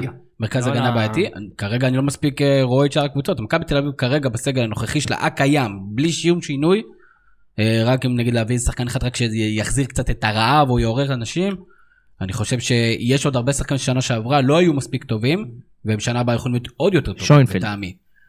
שוינפלד, שהוא תחשוב, הוא החלוץ הרביעי של מכבי תל אצילי אביב, שלא היה עליות וירידות. עומר אצילי שלא היה מספיק יציב, גולסה שלא שיחק. יונתן כהן, ששיחק מספר דקות מצחיק לעומת ה- ה- ה- תפוקה. התוצאות שלו, גולסה אני לא בונה עליו, אז אה. כל משחק שלו זה בונוס. אה, שכטר לא היה באיזה עונה מדהימה יחסית למספרים, יכול להיות שנגמר הזמן. כאילו, השחקן הוא כבר לא צעיר, בגלל זה אני חושב שהדבר המשמעותי ביותר זה להביא חלוץ. אה, אני יודע שמכבי תל אביב מדברים על זה מינואר, לא הצליחו בינואר להנחית מי שהם רוצים. עכשיו הם אה, מכוונים כל מיני מקומים, מדברים על כל מיני מקומות, מדברים על החלוץ ההולנדי, שעל. פניו נשמע מבטיח. מכבי תל אביב לח- לחלוטין מוכנה לליגה. אם לגמרי, שבוע אני-. הליגה, אין לאף אחד מה להרחיב, ככה זה כשעובדים נכון. אה, שמתחילות לא- הבעיות. ברק לא מסכים, אבל... אה, אני- כן מסכים עם אני לא ברק, אומר שנה הבאה זה לא יהיה 30 הפרש. אני לא אומר שהם לא עובדים נכון, אני לא אמרתי שום דבר, אני אומר שזה לא יהיה תלוי בפארק, ואני אומר שאין מה למדוד, כולם אומרים 99% מכבי תל אביב אלופה, אני לא מסכים לא, לאמרה לא. הזו בשום צורה שהיא. לא יודעים איך, יש דינמיקה לדברים, ובכל שנה אתה- כשאתה פותח אתה מסתכל על סגל שחקנים ואתה אומר, מכבי תל אביב היתרון שלהם השנה לעומת שנים קודמות זה דווקא העקביות. זה שלא היו יותר מדי שינויים, כי לא צריך יותר מדי. מסכים. מכבי לא תביא עכשיו אה, חמישה אני-. אני טוען ש... בייחוד העקביות על, על אני הקווים, שזה משהו שבאמת לא היה, ואתה רואה שזה מאמן ששולט ביד רמה בסגל, ואני חושב שזה שחקן, זאת גם, אגב, זה הרכש הכי טוב ל-2019. זה גם עניין המאמן, נראה באמת כאילו מה הוא שווה בשנה הזאת. שוב, אני חושב שהוא הוכיח כבר מה הוא שווה. אובייקטיבית שהוא הוא- הוכיח בשנה הוא מסכים אחת. שזה היה נוקאוט קצת יותר מודע מוגזם, אבל זה אה, עדיין היה מאמן טוב. שזה לא אני. תוהה מתי העניין הזה, אתה יודע, זה לא יכול להחזיק, סגל של 15 שחקנים בכירים לא יכולים להחזיק לאורך זמן. אני הם- תוהה הם. מצליחים, הם עושים את זה כבר שבע שנים. שבע שנים. שבע שנים. גם במקומות שלקח, שהפסדנו אליפויות, לא שמעת את החדר ההלבשה אז של אני מכבי רוצה תל לראות אביב. מתי יותר אלי רנטה סופסל על ידי קרוי, אה, אה, אתה אומר, האיש שיושב עם חבית ושמן בידיים, ולא שמעת עליו יותר מדי, גם כן כשג'ורדי קרופי סקסל אותו. מכבי תל אביב כמערכת היום יודעת להתמודד עם זה. לא קשור מי המאמן, ואפילו כשהתחלפו מנהלים, לא ראית שמישהו זז. א', כי הם מתוגמלים בהתאם, וב', כנראה יש איזה... איזה משהו במרקם הזה, מה יקרה? אנחנו שורפים הרבה? זמן לא למכבי יודע. תל אביב ולא היה הרבה מה להגיד עליהם. יש לנו פה. את אה, שני המלפפונים החמים של העונת המלפפונים, בית"ר ירושלים, איפה אנחנו? בית"ר בית"ר זה. פודקאסט בפני עצמו. בית"ר ירושלים זה פודקאסט בפני עצמו, אה, ומעניין אותי, אתה יודע, שי, אתה, דיברת בזמנו, משה חוגג, מה עושה, זה... אה, איזה ציון אתה מחלק כרגע למשה חוגג על הקיץ שלו? תשמע, מבחינת השקעה אין מה להגיד, אם אנחנו מסתכלים על כמות הכסף שאתה שם או זורק, תלוי איך אתה מסתכל על זה קבוצת כדורגל, אפשר להיות מבחינת אוהדי בית"ר מרוצים. מבחינת חשיבה שמאחורי הרכש, קבוצת כדורגל בונים מלמטה, בית"ר ירושלים כרגע כתבו על זה הוגים חכמים ממני, משקיעה בדריבליסטים אה, מגניבים ווירטואוזים, אבל ההגנה שלה עדיין הגנה של פלייאוף תחתון, שלא יספרו לי על טל בן חיים ששיחק פעם בצ'לסי. אה, וכל עוד אה, חוגג, ואגב, יש והיו אפשרויות בשוק לעשות אה, מהלכים כאלה ואחרים על בלמים טובים, ומכסת הזרים עושה רושם שהם הולכים לסיים בהתקפה. כל עוד חוגג לא יבין שכדורגל מתחילים בהגנה, אז העונה הזו יכולה להיות כישלון. מבחינת השקעה וניסיונות להחתים את השחקנים הכי טובים, או הכי חמים, או הכי, מה שדיברנו קודם, את אותם שחקנים שמכבי חיפה רוצה. חוגג בינתיים בינגו. האם הוא בינגו? כי כמו שאתה אומר, בסופו של דבר, כרגע מאחורה זה לא הכי מאוזן. לחלוטין לא מאוזן, ויותר מזה, אני גם בספק גדול אם האיש שהוא הציב על הקווים, אה, הוא האיש הנכון להוביל את הספינה הסופר התקפית ש... לא להוביל את ה- את הדריבליסטים. מתחבר למה ששי אומר, אני לא יודע מי מקבל החלטות בבית"ר. עזבו רגע כאילו את העניין שאם זה יצליח או לא יצליח, כי זה באמת, אמרנו כבר ראשון ביולי, ואי אפשר לדעת, וזה באמת נראה לא מאוזן, אבל מי מקבל את ההחלטות? מי מביא את השחקנים? לא יוסי בניון? אני לא יודע. חוגג רץ לתקשורת כמי שמביא את השחקנים, אז אתה לא ממש יודע. הוא מביא את הכסף של חוגג. מתראיין כל יום בכל מקום, ובעיתון המבשר הוא התראיין. למה זה משנה? כי אם יש מנהל כי מקצועי... הבאת מאמן שמאוד דומיננטי, שמאמין בשיטה אחת, ו...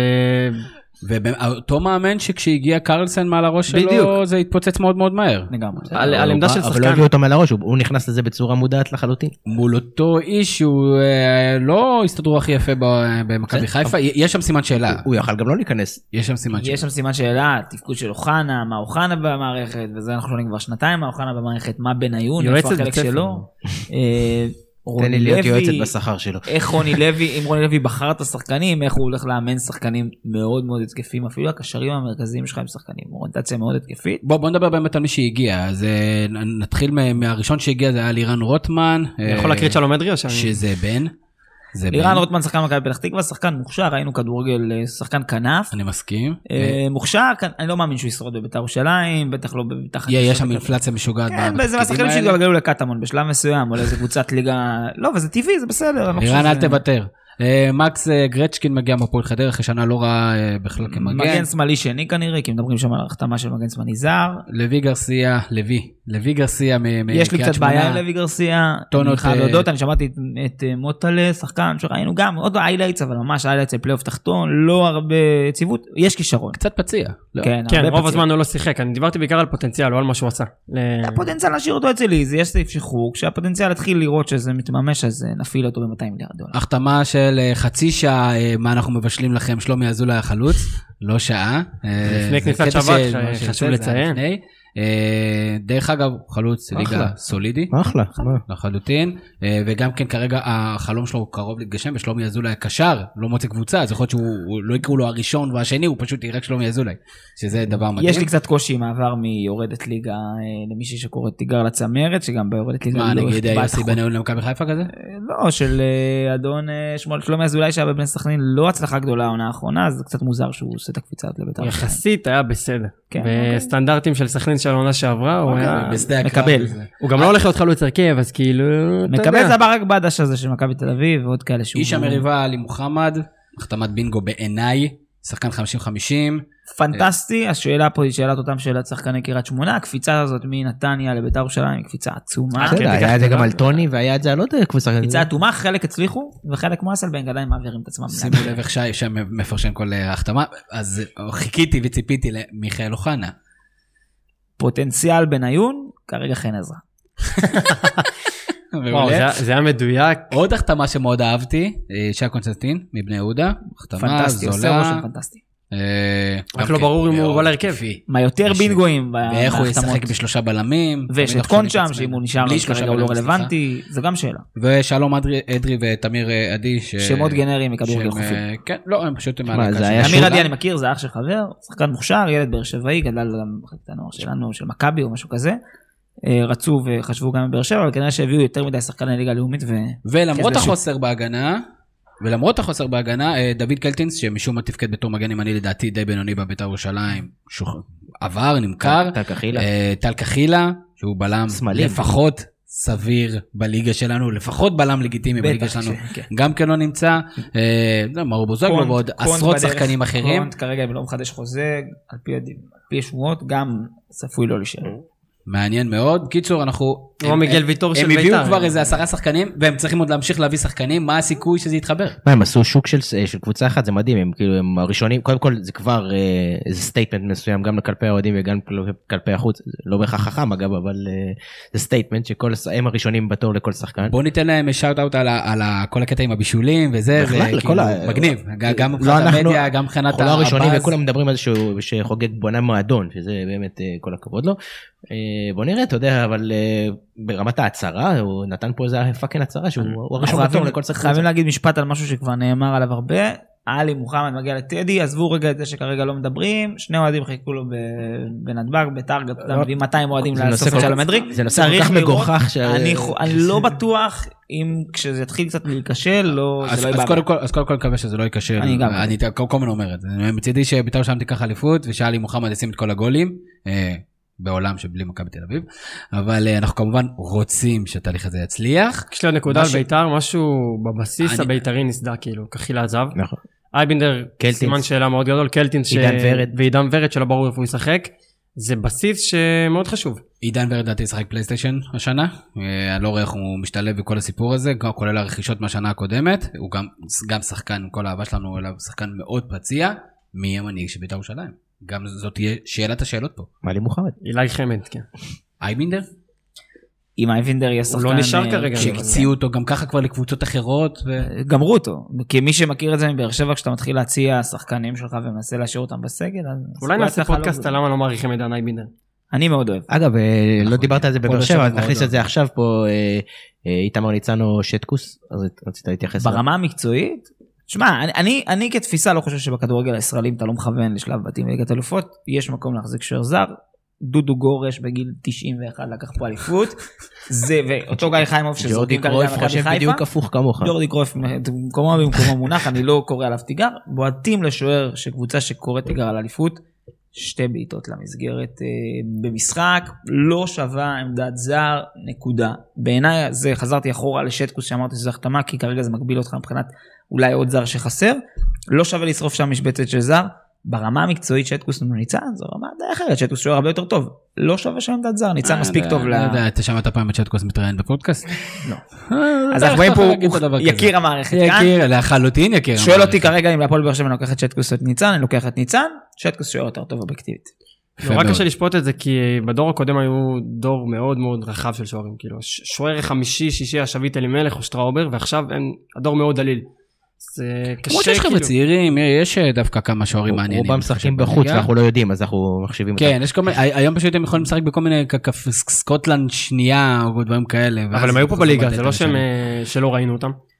כן, אבל- אני חושב שאם אה, בוריס אה, קליימן? היה עכשיו מאמן, אם עכשיו הוא היה שוער של אה, הפועל או שוער שוער של בני יהודה, אז יכול להיות שהיינו מדברים על זה שמה, יש כאן הרבה פוטנציאל, כי אתה יודע, יש לך איזה סלחנות. בוריס קליימן כבר עוד מעט בן 30. זה- אה, פוטנציאל. זה שוער לגיל, 60. לשוער זה לא יודע.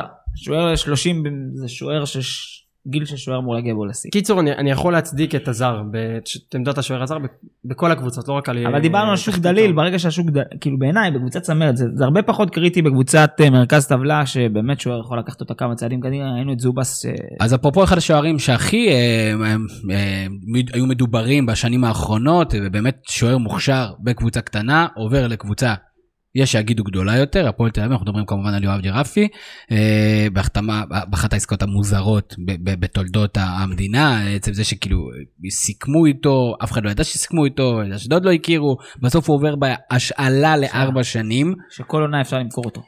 משהו כאילו... מכיר את החבר הזה שאומר לך שמור לי על אופניים? ז'קי בן זקן. זה יפה מאוד, לא רע בכלל. אה, מה אנחנו מצפים לראות מהפועל תל אביב השנה?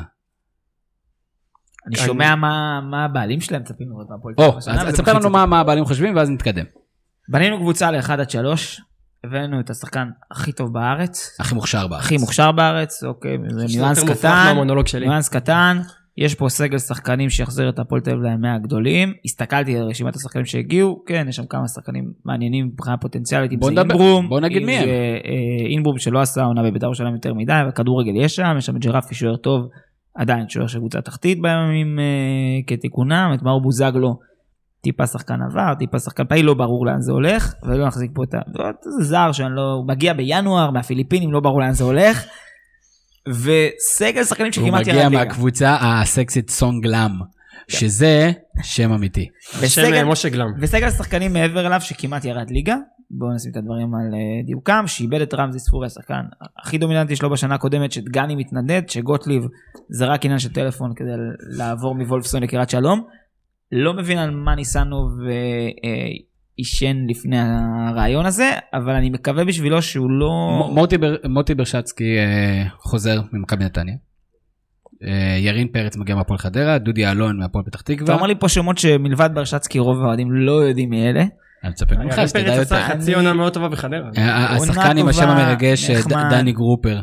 אה, דני גרופר מגיע מעפולה, מגן טוב. לא קשור לאתר גרופון. מגן טוב אה, מעפולה, לדעתי תוצאה מחלקת הנוער של מכבי חיפה, אל תתפסו אותי מה. הציפיות של הפועל תל אביב?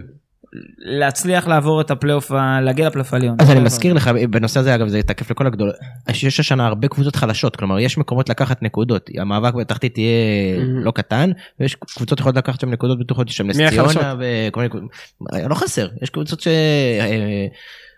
אמרנו ראשון ליולי, עוד לא ראינו את הזרים כן. שהקבוצות האלה מביאות. מכבי תל אביב עוד לא לא פתחה את הש- את חדרה השערים. שנה שעברה פגעה בחמישה זרים זה נכון, ורצה מכבי תל אביב בצמרת. עדיין לא אמרה את מי היא הולכת לחזק מכבי תל אביב. עדיין לא לא שחררה את ה... נס ציונה זה נראה לי כמו עסקה. קבוצת אתה יודע, בת שלנו, נראה לי. אבל יש, אה, יש, אה, אתה יודע, יש את הסטטיסטיקה שאומרת שקבוצות שעולות, השנה הראשונה שלהם היא דווקא שנת. ההתלהבות, שנת נכון. האנרגיות, אה, בגלל זה לדעתי הפועל חדרה הולכים להתחזק בשנה השנייה. אבל באמת ברק אמר נכון, הפועל כפר סבא, הפועל רעננה כל שנה, למרות שהיא סך הכל נראית אה, קבוצה יש יותר תחתית יציבה, רחבה מאוד. יותר יציבה קצת. אה, סמך אשדוד, כרגיל, הרי הם, הם בשלב מסוים... אה, באשדוד אמרו היום שהם רוצים לשחק כדורגל שמח ולהימנע מהתקפי לב. גם חכה גיא לוזון עוד יעלה לליגת כן, העל אתה השנה. אומר, הוא יקבל, יקצו לו קבוצה. הפועל תל אביב, בוא ננסה שנייה לחבר. אם היום אנחנו יודעים מי הולך להיות הפלייאוף העליון, מי הקבוצות עם הסיכויים הטובים ביותר להגיע לפלייאוף העליון? אז יש את נתניה, את באר שבע, את מכבי תל אביב, את מכבי חיפה כנראה. אה, בית"ר. הפועל תל אביב כנראה תהיה שם, בית"ר. בית"ר ירושלים, אז אמרנו. ואת ההפתעה התורנית אה, שתהיה. שהיא בדרך כלל מאומנת על ידי יוסי אבוקסיס, אז בואו נדבר קצת על בני יהודה. מחזיקה את הגביע, אתם רוצים שאני אקריא לכם את כל השחקנים שעזבו שם? לא, אני רוצה להגיד, אני תגידו רוצה את להגיד לך ה-11 לפני שאתה, עובר, אם יוסי אבוקסיס מצליח להשתחרר לנו על הפלייאוף העליון, זה משול לדאבל, אפשר לתת לו מאמן העונה, לרשום לו, אבוקסיס זכה בדאבל, עצם ההעפלה שלו לפלייאוף העליון זה כבר משהו אמרת שהוא לא נעשה. בדיוק, לא אתה, אבל נאמר בדיוק, נאמרו אותם מילים בדיוק תחילת שנה שעברה. זה נכון. שי. קוזנטין, דולב חזיזה, יובל אשכנזי, צ'יבוטה, עמית ביטון, מתן בלטקסה, יעקב סילבסטר, פייסל מוליץ' וקרלוס אה, קויאר. אלה השחקנים שעזבו. מי שהגיע זה עמית זנתי שאם הוא לא היה עושה לקבל כרטיסים אדומים במכבי חיפה אף אחד לא יודע מי זה.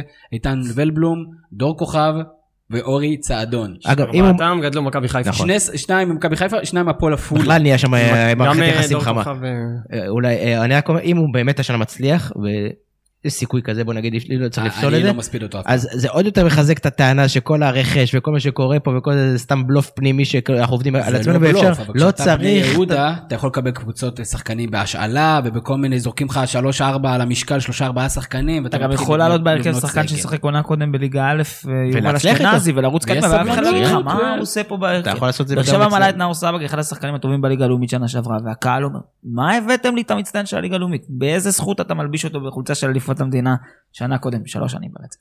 אז אה, תשמעו, אי אפשר אפילו לנהל דיון על, על, על בני יהודה, כי אין מה לד- לדיין פה. וברור שכאילו בסופו של דבר יהיה פה סגל, ובסופו של דבר הם ישחקו בשלושה בלמים, והמגן הימני הבא שלהם הולך להיות ה, ה, הכוכב הבא בשנה, בשנה הבאה, אגב, לא הרבה אומרים, מחלקת נוער לא רעה בכלל, שמייצרת לא מעט שחקנים טובים. ומייצרת שחקנים שמקבלים דקות. נכון. אה, עוד מישהו שחזר לקבוצת נעוריו זה אלמוג כהן, ומכבי נתניה בונה קבוצה מאוד מעניינת, אנחנו גם ככה מעריכים מאוד ויודעים מה צוות האימון שלהם יודע יש לי לעשות. שאלה במכבי נתניה. בוא, תשאל אותי בבקשה שאלה על מכבי פלייאוף נתניה. עליון במכבי נתניה השנה ייחשב כהצלחה, כתחנה סופית?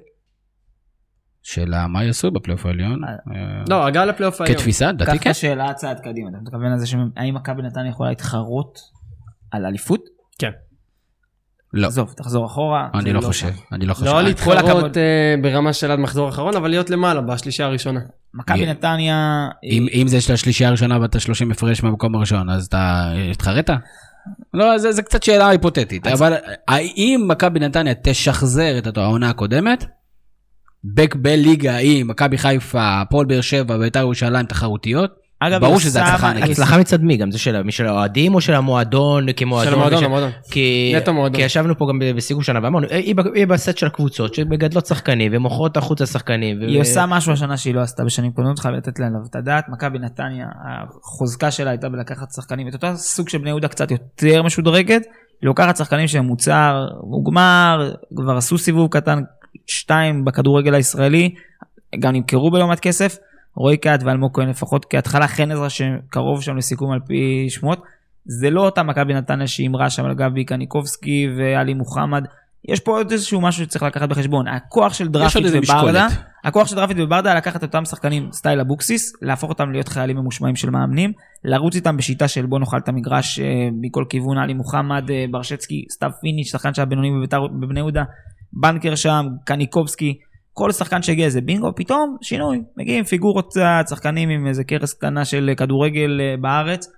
אני לא יודע כמה לקונספט הנתניאתי של... בוא נדבר עליהם, בוא נדבר עליהם. כי לדעתי הם שני שחקנים מאוד שונים. אה, אלמוג כהן דעתי נכנס לסיטואציה הזאת בול. זה, זה התחושה שלי מבחינת אה, הסביבה, דעתי גם כן צפו ממנו להיות מנהיג, ברור שהציפיות ממנו היו מאוד גדולות, אבל לא יש לו רק מצפים מה ממנו להפסיד. יש לו הרבה מה להפסיד, אבל הוא לא הלך מה להפועל. באר שבע, ששם לדעתי היה לו הרבה יותר מה להפסיד. הפועל באר שבע, אני מקרוב מאוד מכיר את המשא ומתן שהתנהל מול אלמוג כהן, שמאוד רצה להגיע לפועל באר שבע. אף פעם לא הבנתי את זה, אתה יודע, מקרוב, כאילו היית שם, ישבת שם ליד, כאילו, בזה- אוקיי. אני אומר לך שרוב התיווך בין הפועל באר שבע, אלונה ברקת מלכתחילה לא רצתה לפנות לאלמוג כהן מתוך איזושהי אידיאולוגיה, לא נשלם את הסכומים אתה מתחיל אותנו. קצת יוני הללי כזה, נכון? אתה כזה נכנס כזה וכזה, אני יודע מקרוב, זה, מספר, בוא תסמוך עליי. עזוב את זה. אוקיי. אלמוג כהן הוא באר שבעי במקור, גדל במחלקת הנוער של באר שבע עד אה, קבוצת טרום אה, נערים. א' או משהו כזה. בשורה התחתונה מחובר מאוד לעיר, אוהד, מגיע למשחקים, אגב לא מעט משחקים ראינו אותו ביציע. אבל יש פה את הסיפור הנתניאתי, חזר לנתניה מתוך הטראומה האישית שקרתה עם האבא שאגב גר בנתניה שביקש מאוד שזה יהיה, האמא קבורה כבר בנתניה.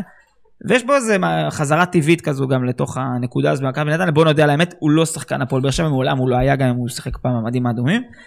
אה, אלמוג כהן נופל למשבצת הליגיונר שתמיד זה 50-50, זה יכול להיות רמי גרשון, זה יכול להיות אליניב ברדה. בתחושה שלי זה הרבה יותר אליניב ברדה מגרשון, זה הרבה יותר דמות שמגיעה ככה עם איזה עילה של הרבה שנים באירופה, עם איזה דמות מנהיג, הוא שחקן שיכול לשנות מועדון. ופה זו השאלה, האם יהיה לו עם מי לשנות את המועדון. התחושה היא שיש עם מי, השאלה אם זה לא הולך פה לקונספט שהוא לא מתאים למועדון עצמו. זה מאוד מתחבר למה ששי אומר, ודיברנו על אלמוג כהן, והזכרתם מקודם את קיאט, והקשבתי למסיבת עיתונאים של אה, דרפיץ' וסגל וכולם אתמול, והם אמרו, בין כל הקלישאות הם אמרו משפטים מאוד, אה, בוא נגיד, מאוד לא מכבי נתניה, כמו ששי קרא להם, הקבוצה שהימרה לשחקנים. הם אמרו ששחקנים כמו קיאט ואלמוג כהן לא היו יכולים להגיע למכבי נתניה, וסגל עצמו אמר שאת המילה תואר. תואר, תואר, תואר, ושסגל שהוא בא מהיציע חושב על תואר, הוא לא חושב על גביע. תואר זה תואר שמתחרים עליו כל העונה ולוקחים אותו במקרה שלכם בינואר אבל אה, בדרך כלל במאי. מכבי נתניה יוצרת איזושהי ציפייה. אה, סגל גם ציין את התקציב שהוא גבוה והשווה אותו לתקציב של אה, עונת יאמר, עונת יאמר הראשונה של 2006-2007, עונה שנתניה סיימה שנייה. חשוב, יש- להגיד, חשוב להגיד לו שבטווח השנים, כן, ברור, ברור, ברור, אבל עדיין הייתה מקום שלישי בליגה בתקציב, אם אני לא טועה, אני חושב שהם רק מתחת למכבי חיפה. מכבי נתניה יוצרת איזושהי ציפייה, שאלה אם היא תוכל לעמוד בה. זאת שאלת השאלות, האם הסגל שמתגבש שם, שכמובן בהובלה של רועי קהת ואלמוג כהן, וכמובן השחקנים שקיימים, כמו בצ'יראי, גיא מלמד, האם יכולים להיות באמת קבוצת טופ שלוש? האם יש שם מספיק עומק? טופ שלוש ברמת השוואה בין הסגלים, או ברמת איך זה יתחבר? רמת איך זה יתחבר. לא רמת. איך זה יתחבר, כן, כי יש שם מאמנים טובים, יש שם אה, בסך הכל שקט, זה לא איזה מועדון גם סיר ברמת לחץ. אה, רמת השיח. ברמת השוואה בין שלהם. הסגלים, קודם כל אלמוג כהן היה כבר בארץ והוא לא היה מעל הליגה. דבר ראשון. הליגה הייתה הרבה יותר חזקה. באיזה גיל? מה זה משנה? לא, 26, משנה. אתה מחזיר לפה ליגיונר דבר אחרי שני, 7-8 שנים בבונדסליגה, דבר שני הוא גם. בתפקיד ש... הוא לא, הוא לא נותן מספרים או משהו כזה, יהיה קשה למדוד את ההצלחה שלו, את האי הצלחה שלו.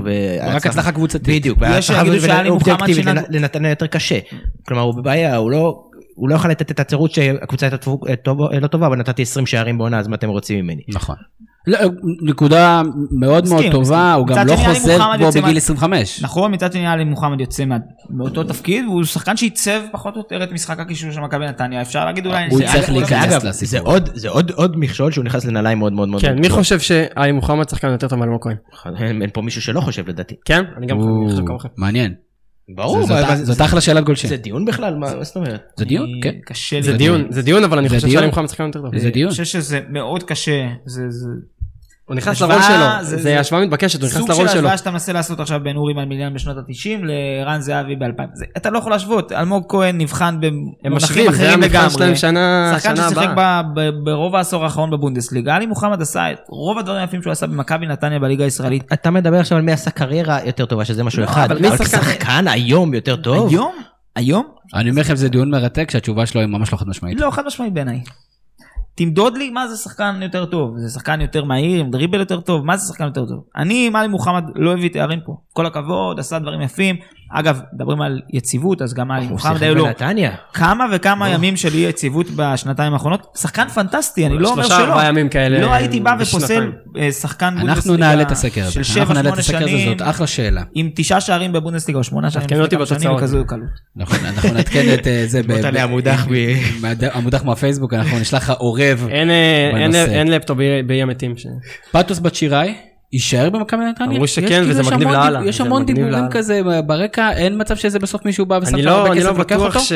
אגב, יודע- שדיברנו את מי להביא, זה שחקן שיגיד, היה יכול להדליק את האוהדים אם אה, מכבי חיפה היו לא מביאים. יודע, יש לנו... ב- בצ'יראי כזה, בן סער אתה כזה. מופתע? יש לך אותו בישראלי. השנה שעברה היה חלוץ שחקנים. ממש דומים. אני, אני אגיד למה אני מופתע, כי זה כמו לקחת סוג של, אני לא אעשה את ההשוואה לפריצה, אבל זה שחקן שהוא די בשלהי הקריירה, שמשהו שעבד בצורה די ברורה במכבי נתניה לא בטוח שמתאים למכבי חיפה, ואני חושב שמכבי חיפה יכולה לכוון, להביא שחקנים, זה שוק, זה שוק, ללכת על בת שיראי זה סוג שחקנים שהם מועדונים, להבדיל מאיזשהו הימור גרנדיוזי להביא שחקן צעיר, שחקנים, אתה לוקח, את ה- אתה פותח את הסטטיסטיקה הברורה, שחקן שעבר בחצי מהקבוצות הבלקן ורוסיה, לך תחפש כזה בן 32, טנק שהולך להרביץ ברחבה, זה לא שוב, משהו הוא- יוצא הוא- דופן. הוא בן הוא לא טנק שהולך 31, להרביץ הוא ברחבה. גדול, הוא פיזי, הוא טכני. הוא שחקן מעולה, אני לא בטוח שזה השחקן שהיה מרעיד למכבי חיפה את אמות הסיפים אני בעיניי. הייתי- אני הייתי שמח אם מכבי תל אביב הייתה מביאה אותו. אני חושב שכן, אני חושב שהוא רכש, הוא banker במידה מסוימת, אבל הוא לא שחקן שהיית אומר וואי הבאתי אותו, אני נו, מה מה צריך יותר בליגה הזאת מ banker? הוא ממש דימיטר מקרייב של העשור הזה. אותו שחקן. מה שכן, לבצ'יראי יש אה, תכונות שמתאימות לקבוצות צמרת, הוא מאוד חזק נגד אה, אני בונקרים. ו- הייתי שמח אם הוא היה מכבי... הוא לא המקרה הקלאסי של. שחקן בקבוצה כשאני קטנה שאלתי ש- אם- בצ'יראי עוד יישאר במכבי נתניה, אני אני חושב על ההצעה שמכבי תל אביב צריכה לצאת אני, עם אני הצעה. מסכים שבסיטואציה שמכבי נמצאת זה מניה יחסית בטוחה, אבל לא חושב שזה שחקן שהייתי מתרגש עד רמה כזו של להגיד הוא הולך לשנות את הקבוצה. שאלה אם זה game changer. אה, כן, אני אגב כן, כי הוא שחקן שהיה בולט בליגה והבאת אותו. שזה אמירה. אה, זה אני מסכים. שאלות גולשים, אודי- אודי ריבן שואל האם בני יהודה סיימו לרוקן לעצמם את הסגל או שיש עוד עזיבות בדרך? אה, אה, מישהו יודע מה השאר הסגל בואו נראה? נעשה הקראת שמות. אלא אם כן מכבי חיפה תקנה את בוא- בוא איתן נעשה ולבו. בדיקת- בוא נעשה, כן. תשמע, מנצ'סטר יונייטד מחפשת בלם, יכול להיות שאיציק עזוז מכיר, אבל חוץ מזה, אה, סורו, האמת שסורו יכול עוד לעזוב. מסכים. הוא לא פצוע או משהו? הוא לא, לא- הוא.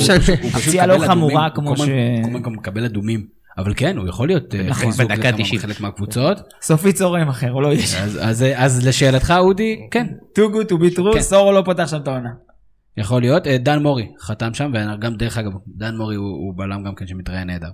אה, דניאל יצחקי שואל האם הסגל של מכבי תל אביב מספיק איכותי כדי לתת פייט אמיתי על העפלה לצ'מפיונס, אם לא איזה עמדות כדי לחזק, אז עניתי על זה, אני לא חושב שהם אגב, שהסגל של מכבי תל אם אביב הם מביאים את. החלוץ הם גם לא המשוגע, יכולים לחזק, אז... אם הם מביאים את החלוץ המשוגע הזה מהולנד, אז... אה, אני לא, חושב זה שהבעיה לא בהגנה. גדולה מדי. אה, צריך להביא את ערן זה זהבי.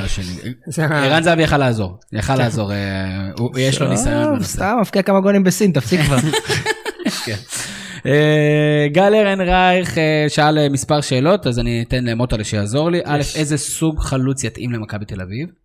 דיברנו כאן בצ'יראי, דיברנו על החלוץ ההולנדי, שהוא לא הולנדי בכלל. ספרדי. משחק, חלוץ משחק ראש מאוד טוב. אגב, חלוץ ספרדי. מישהו מכם עקב על הס- אחרי הסטטיסטיקה כן, שלו. לפני שהוא הסתכלתי הגיע ו- ל- כן, כן, ממש הוא ליגה שנייה ליגה. שלישית, קריו, שהוא לא, לא, אני לא אני עדיין לא בטוח שהוא חלוץ. זאת הסטטיסטיקה לא מרשימה, הוא סקורר פריצה- לעומת. אם זאת שנת פריצה. אה, איך- משמעותית מאוד. קיבלתי בוואטסאפ פוסט של אה, דודו עזריה שהוא אחד הנכון והוא כתב ש... נכון, בוא תספר לאנשים אחרים. דודו? עזריה הוא הסקאוט של הפועל באר שבע. הוא עדיין סקאוט, פשוט לא ידעתי אם הוא עדיין בתפקיד. הוא כתב ששחקן בליגה הספרדית השלישית יכול אה, להתאים לליגת העל. אני, אני, לא, אני לא בטוח שהוא צודק, אבל זה יעמוד למבחן. אני יכול להגיד כמי שמכיר את שלו דודו אישית, הוא עכבר כדורגל אה, מהרמות הגבוהות. בן אדם שמבין וראה אלפי משחקים, יכול להיות שהוא. ומה הוא אמר? אם לא יובל אשכנזי ה- מליגה א' להיות אה, שחקן מספיק טוב כדי תוך שנתיים להגיע למכבי חיפה. הוא אמר בעיקר לא- מה שברק אומר שמאוד קשה להביא לפה זרים טובים וצריך לחכות ושחקן מהליגה השלישית בספרד יכול להיות מספיק טוב להפועל באר שבע. לי אין לי שום בעיה. אה, רק שהוא לא היה אז אמרנו. איזה סוג חלוץ הוא שואל, אמרת שחקן עם ראש, אה, ועכשיו הוא מתחיל מונולוג. אתה יודע, ח- חבר'ה אצלנו בשאלות הם לא אוהבים לשאול שאלות, הם עוברים לספר את הצד שלהם. אוקיי. בזמנו טענו שווידר פחות מתאים לסגל, כי הוא חלוץ רחבה שצריך שישחקו בשבילו. מה שהוכח כנכון ככל הנראה עם שימוש בחלוצים כמו צ'יקו ושכטר בעונה האחרונה, שחקנים שיודעים להפעיל מהירות, לעשות תנועה שמפנה שטחים לאחרים, לשחק בשביל אחרים. בקיצור, זה לא היה ממש בקיצור גל, ודווקא עכשיו יש התעניינות בחלוץ כמו אדריאן דלמאו, שלפי מה שראיתי ממנו עד כה מאוד דומה לוידר בסגנון שלו. האם עכשיו זה פתאום יכול להתאים, ואם כן מה השתנה? לדעתי מה שהשתנה זה פשוט שיש שני מגנים שיודעים להגביה היום, ולא רק אחד. פשוט מכבי קצת פחות צפויה בקטע הזה, עם שחקני אגפים קצת יותר טובים. מה אתם חושבים? אני לא חושב שווידר לא התאים. המסביב מסביב היה קצת פחות טוב, כמו שאתה אמרת. חייב לשאול שאלה על וידר. יש סצנריו נניח שהוא יכול להגיע למכבי חיפה בו? כי שמעתי שבמכבי תל אביב זה לא היה לגמרי חסר סיכוי. זה לא חסר, מה, שהוא יבוא למכבי חיפה או שיבוא למכבי תל אביב? מכבי חיפה. ברק אתה לוקח? ברור. סכומים אני אגיד לך זה בסכום שהיום אפשר להביא אותו שזה הרבה יותר זול וזה אני אני הייתי מביא אותו מכבי תל אביב שוב הוא מכיר את המועדון ההשתלבות תהיה מאוד מהירה ודסה אם דסה חותם זה לדעתי מגיע בשתיים במחיר אחד. יש איזה שיח סביבו שהוא פלופ וזה לא נכון. לא לא זה יש. יש, יש, יש שיח כזה במכבי תל אביב, אה, כאילו, כי אנשים מחפשים חלוץ שהוא נשמה, שהוא לא רק מחכה לכדורים. כמה סקוררים אני- כבר כאלה פשוט- היו בארץ? אני לא מקבל את לא מקבל את כמה? השיח. זה שיח שהוא בדרך כלל נגזרת בכמות הכסף ששמת. כן. כן. גם, נכון, אם הוא היה שחקן חופשי והיה שם, אז היו בונים לו פה פסלים כמו שעשו לפריצה. אה, מקס ריפר שואל, אה, הימור על ההעברה הגדולה הבאה. אחלה טורים של מקס. אה, עידן נחמיאס, אחלה אפרופו מקס. עידן נחמיאס, ביתר ירושלים, אני בא לי לצעוק למשה חוגג, תשמע, אתה שם את הכסף על מיכאל אוחנה, אני מרגיש שהאקזיט הבא של איזי שרצקי הוא בעידן נחמיאס, בלם כבר היום, בלם בשל לתת את הקפיצת דרך מדרגה. אגב, מקס ריפר כתב קראתי את בטור הבלמים. ביקשתי גם מברק אז, תן לי טור רפרנס. לדעתי זה האקזיט הבא, אין שחקנים בכדורגל הישראלי, ביתר צריכה בלם, אני שם את הז'יטונים על אה, עידן נחמיאס. אני מהמר על אה, רכש לחץ של מכבי חיפה. אה, גם אני. אחרי הדחה מאירופה. איזה? בתוך-? הכדורגל הישראלי? איזה? בתוך הכדורגל הישראלי. איזה? אה, בן סער. אין לי, אין לי מישהו בראש, אני חנן חושב. ממן זה אופציה. אולי שחקן זר אפילו מתוך הליגה, אבל... לא, אבל רגע, ממן, מתי, מתי החוזה שלו מסתיים? זה, זה לא פונקציה של חוזה, חוזה זה נייר. בן סער. לא, מבחינת לא, סכום העברה. לא, לא. אני אומר, או בצ'יראי או סורו. אחד מהשניים האלה יעברו, יעברו ויעבור סורו בא עם אבוקסיס או ש... לא, לא יעבור עם אבוקסיס. לא, אבל אבוקסיס. אוקיי. לא אני יעבור חושב עם שיפלטו אבוקסיס. עוד מבאר שבע שחקן או שניים, מכבי חיפה תהיה מהאפשרויות. לא, לא, שוב, אני- אני אבין שיקחו אותו, אבל אמרתי לך, זה גם לא עושה לי את זה לקחת את השחקנים האלה. בטח לא אקסים של מכבי תל אביב אגב, גם אורל. דגני כנראה וגוטליב, אפרופו בונים קבוצה לאליפות, לא בטוח הם יישארו בהפועל תל אביב, גם שם בית"ר ירושלים מעורבת, דגני, מה שמדברים לפחות, היה קרוב לסיכום, יש לו הצעות, לא תהיה עסקה מפתיעה. כל שבוע ברק ואני אומרים, אולי נביא עוד פעם אוהד הפועל שיסביר לנו מה הסיפור עם גני. הסיפור עם דגני שאתם זוכרים תמיד את המסירה שלו לזהבי המצחיקה הזו, אביב מדברים על בלם די יציב שנתן שנה, שנתיים טובות, אחת מהן בליגה הלאומית. הסיפור- סיפור בעשר שניות, הוא מבקש העלאה, אין כסף, ורואה פתאום שבאים לא, שחקנים. אה, הוא, מת, הוא מתכוון ברמה של מה הסיפור עם דגני, למה אתם מחזיקים ממנו כל כך, זה הוא מתכוון. אה, אה, בדיוק. מספיק אה, בין הטובים בליגה. לא, אבל יש כזה איזה אובססיה, אבל לא משנה, אנחנו מדברים על אוקיי. זה כל שבוע. יש לי שאלה פה לפאנל וזה יחבר גם לדבר הבא. אה, אנחנו בקיץ אין כלום לראות, אליפות אפריקה. בסדר, לא ראיתי, אני מודה, לא ראיתי אפילו רבע. יש סיכוי לקבוצות ישראליות להביא משם מישהו? זה בעולמות האלו שאנחנו... אם הוא נצץ באליפות אפריקה, אז אין לנו שום סיכוי. להעביר. מה, יש שם מדגסקר, יש שם כל מיני... אם הוא נצץ, כל דבר שהוא אפריקאי, והוא נוצץ זה הזהב השחור, תרתי משמע, אין סיכוי שאתה לא, אתה לא תתקשר אפילו לברר. אם הוא נצץ. שחקן נבחרת קמרון, שיחק שנה שעברה בחיפה ועוד... אין ספק, אבל אם הוא נצץ, אם הוא, הגיע למצב הוא שהוא בלט שם, אתה לא יכול אז לפנות. ירדפו אחריו. לא, אני לא מדבר איתך... דרך אגב, המצטיין כרגע. במדגסקר, אלכס אריה. זה לא קינג ג'וליאן? אה, כן, אלכס אריה הוא ממדגסקר. יש שחקן אחד מדגסקרי שהוא היה מועמד לבאר שבע, הוא משחק בלודוגורץ, הוא פנטסטי. אה, יש הרבה שחקנים טובים שם באליפות הזאתי, ויש בובוזלות, ושזה ישר מחריד והרמה לא משהו. האמת שגם בקופה אמריקה משעמם מאוד. משעמם מאוד. אה, איפה שלא היה משעמם, וזה מוביל אותנו לשאלת הבונוס שלנו, שהפעם אנחנו ניתן לך קצת יותר זמן מוטה להרחיב, היו האנדר 21, אליפות תענוג. אה, אירופה ה- ה- הפנטזיונרית, תן לנו שלושה שמות של שחקנים שבלטו באליפות הזאתי, ואנחנו לא נוכל להתעלם. זה המלצות ל manager. עכשיו. בהחלט. קודם כל כתבתי טור על אה, שחקנים שחלקם מראש ידעתי שלא יבלטו, פשוט הם אה, מעניינים ומגניבים ועם סיפור מעניין. אה, שלושה שבלטו זה לוקה וולטשמיט, מלך שערים, כבש שבעה שערים אני חושב. שמשחק ב... בפרייבורג, אולי לא ישחק שם שנה הבאה. אה, בפרייבורג היו לו העונה תשעה שערים ושלושה בישולים, שחקן עם רגל שמאל שיכול לשחק גם חלוץ מרכזי, גם כנף ימין. דרך אגב, ראוי לציין שהרבה מהנבחרות האלה לא שלחו את האייטים שלהם, לדוגמה גרמניה שלחה, או אנגליה שלחו ומי לשלוח שחקנים ששלחה. זכתה, ספרד. ספרד שהם מאוד- פשוט מאוד אוהבים לזכות. וזה מחבר, אה, מחבר אותי לשם השני, דני אולמו, שעליו כן כתבתי, ומאוד בלט באליפות. אה, שי מכיר אותו, הוא שיחק בדינמו זאגרב מול, אה, מול באר שבע. הוא מתחיל לא. מכיר, הילדה שלי נולדה באותו יום, לא ראיתי, לא מתכוון גם לראות. שחקן מאוד טכני, משחק בדינמו זאגרב, הוא אה, כרגע מועמד ללברקוזן, אבל אה, יכול להיות שיגיע למקום יותר... אה, ו? בברצלונה. ו- השם השלישי? חרון חאג'י, אבל לא חאג'י שאתם מכירים בתור ילידי אה, 80's, הבן שלו. משחק בקבוצה שלו ב- ברומניה, ויטורול אם אני לא... הם משנים את השם כל שבוע ברומניה. קשר התקפי גם מאוד מאוד טכני, שחקן מגניב, אה, כניסות מקו שני, בעיטה מאוד טובה, חכם מאוד, היה כיף לראות אותו, היה כיף לראות את רומניה, היה כיף לראות את האליפות. זהו, האליפות הייתה ברמה גבוהה? כן, היו ובוזלות? לא, אז יאללה, אז יש לנו וי. אה, אנחנו מתחילים להיפרד, שי טביבי, כרגיל, מלא מלא מלא תשוקה, כרגיל מאוד מאוד פנטזיונר. אה, יהיה מאוד מעניין, אתה יודע, להפגיש אותך עם האמירות ה- ה- אתה יודע, מלאות ההתלהבות שלך בתחילת השנה. מה נאחל לך? שהפועל באר שבע תחזור להיות מועמדת נחמדה אה, בצמרת הגבוהה של הכדורגל. אני. נחמדה, אני- כן, נחמדה אני קונה. לא, לא, לא נחמדה. רעה, קשוחה סבבה. ואכזרית. מוטל רפלד, כרגיל כיף גדול. אה, אתה תסיים את המחאה ברכש הבא? קודם כל אני לא מוחה, חידשתי מנוי בית, מחר אני מחדש מנוי חוץ, מוחה אני לא מוחה, אני מאמין שקודם כל באים אה, לבית כנסת ואחר כך מתלוננים. בבית דתי. בגלל זה חזרת בשאלה. כן. זו נקודה מעניינת. אה, מה לאחל? שאני וברק נריב על טיסות למוקדמות ליגת האלופות ולא על אה, דולב חזיזה ויובל אשכנזי ותאחל לי ברק 11 לא- שחקנים. ברק לא יריב איתך על זה כי זה לא מטרה מבחינתו. ברק קורן, שלא- ישתמע, אני אני רוצה לנצח בדיוק כמו כולם, כמו זה, אני פשוט אומר שאני אבקר ואני אבקר אם צריך, אבל לא עכשיו, עוד שבועיים, עוד שלוש. אני חושב שגם יותר קל לך, אה, או אתה מרגיש שאתה צריך יותר להיכנס לעמ- לעמדה המתגוננת, לא, כאשר אני- יש אנשים אה, עם לא. דעות קיצוניות. אני יותר. באמת מאמין בזה. אני לא חושב שאני קיצוני האמת. לא, אה, דעות שונ- שונות או מנקודות, אני באמת או- מאמין או בזה. תוקפניות. בכל מקרה. הנקודה שלי הייתה שעצם הריב זה שיש בעיה. שאי אפשר להתעלם ממנה ואני מאחל שהבעיה הזאת תיעלם. אה, נכון. ברק קורן תודה רבה לכל ההפקה פה וכל הארגון והסדר וזה שאנחנו בכלל משודרים. אנחנו מזכירים לכם שהפודקאסט הוא חלק מהתכנים היומיים של אתר הזווית. אה, מזכירים לכם להיכנס לאתר, להגיב, לכתוב בעצמכם את הזווית שלכם. אה, ויש שם גם כפתור של donate שאם תרצו אנחנו מפצירים בכם ללכת על זה. זהו, אני הייתי תמיר זוארץ שלכם המשך ערב.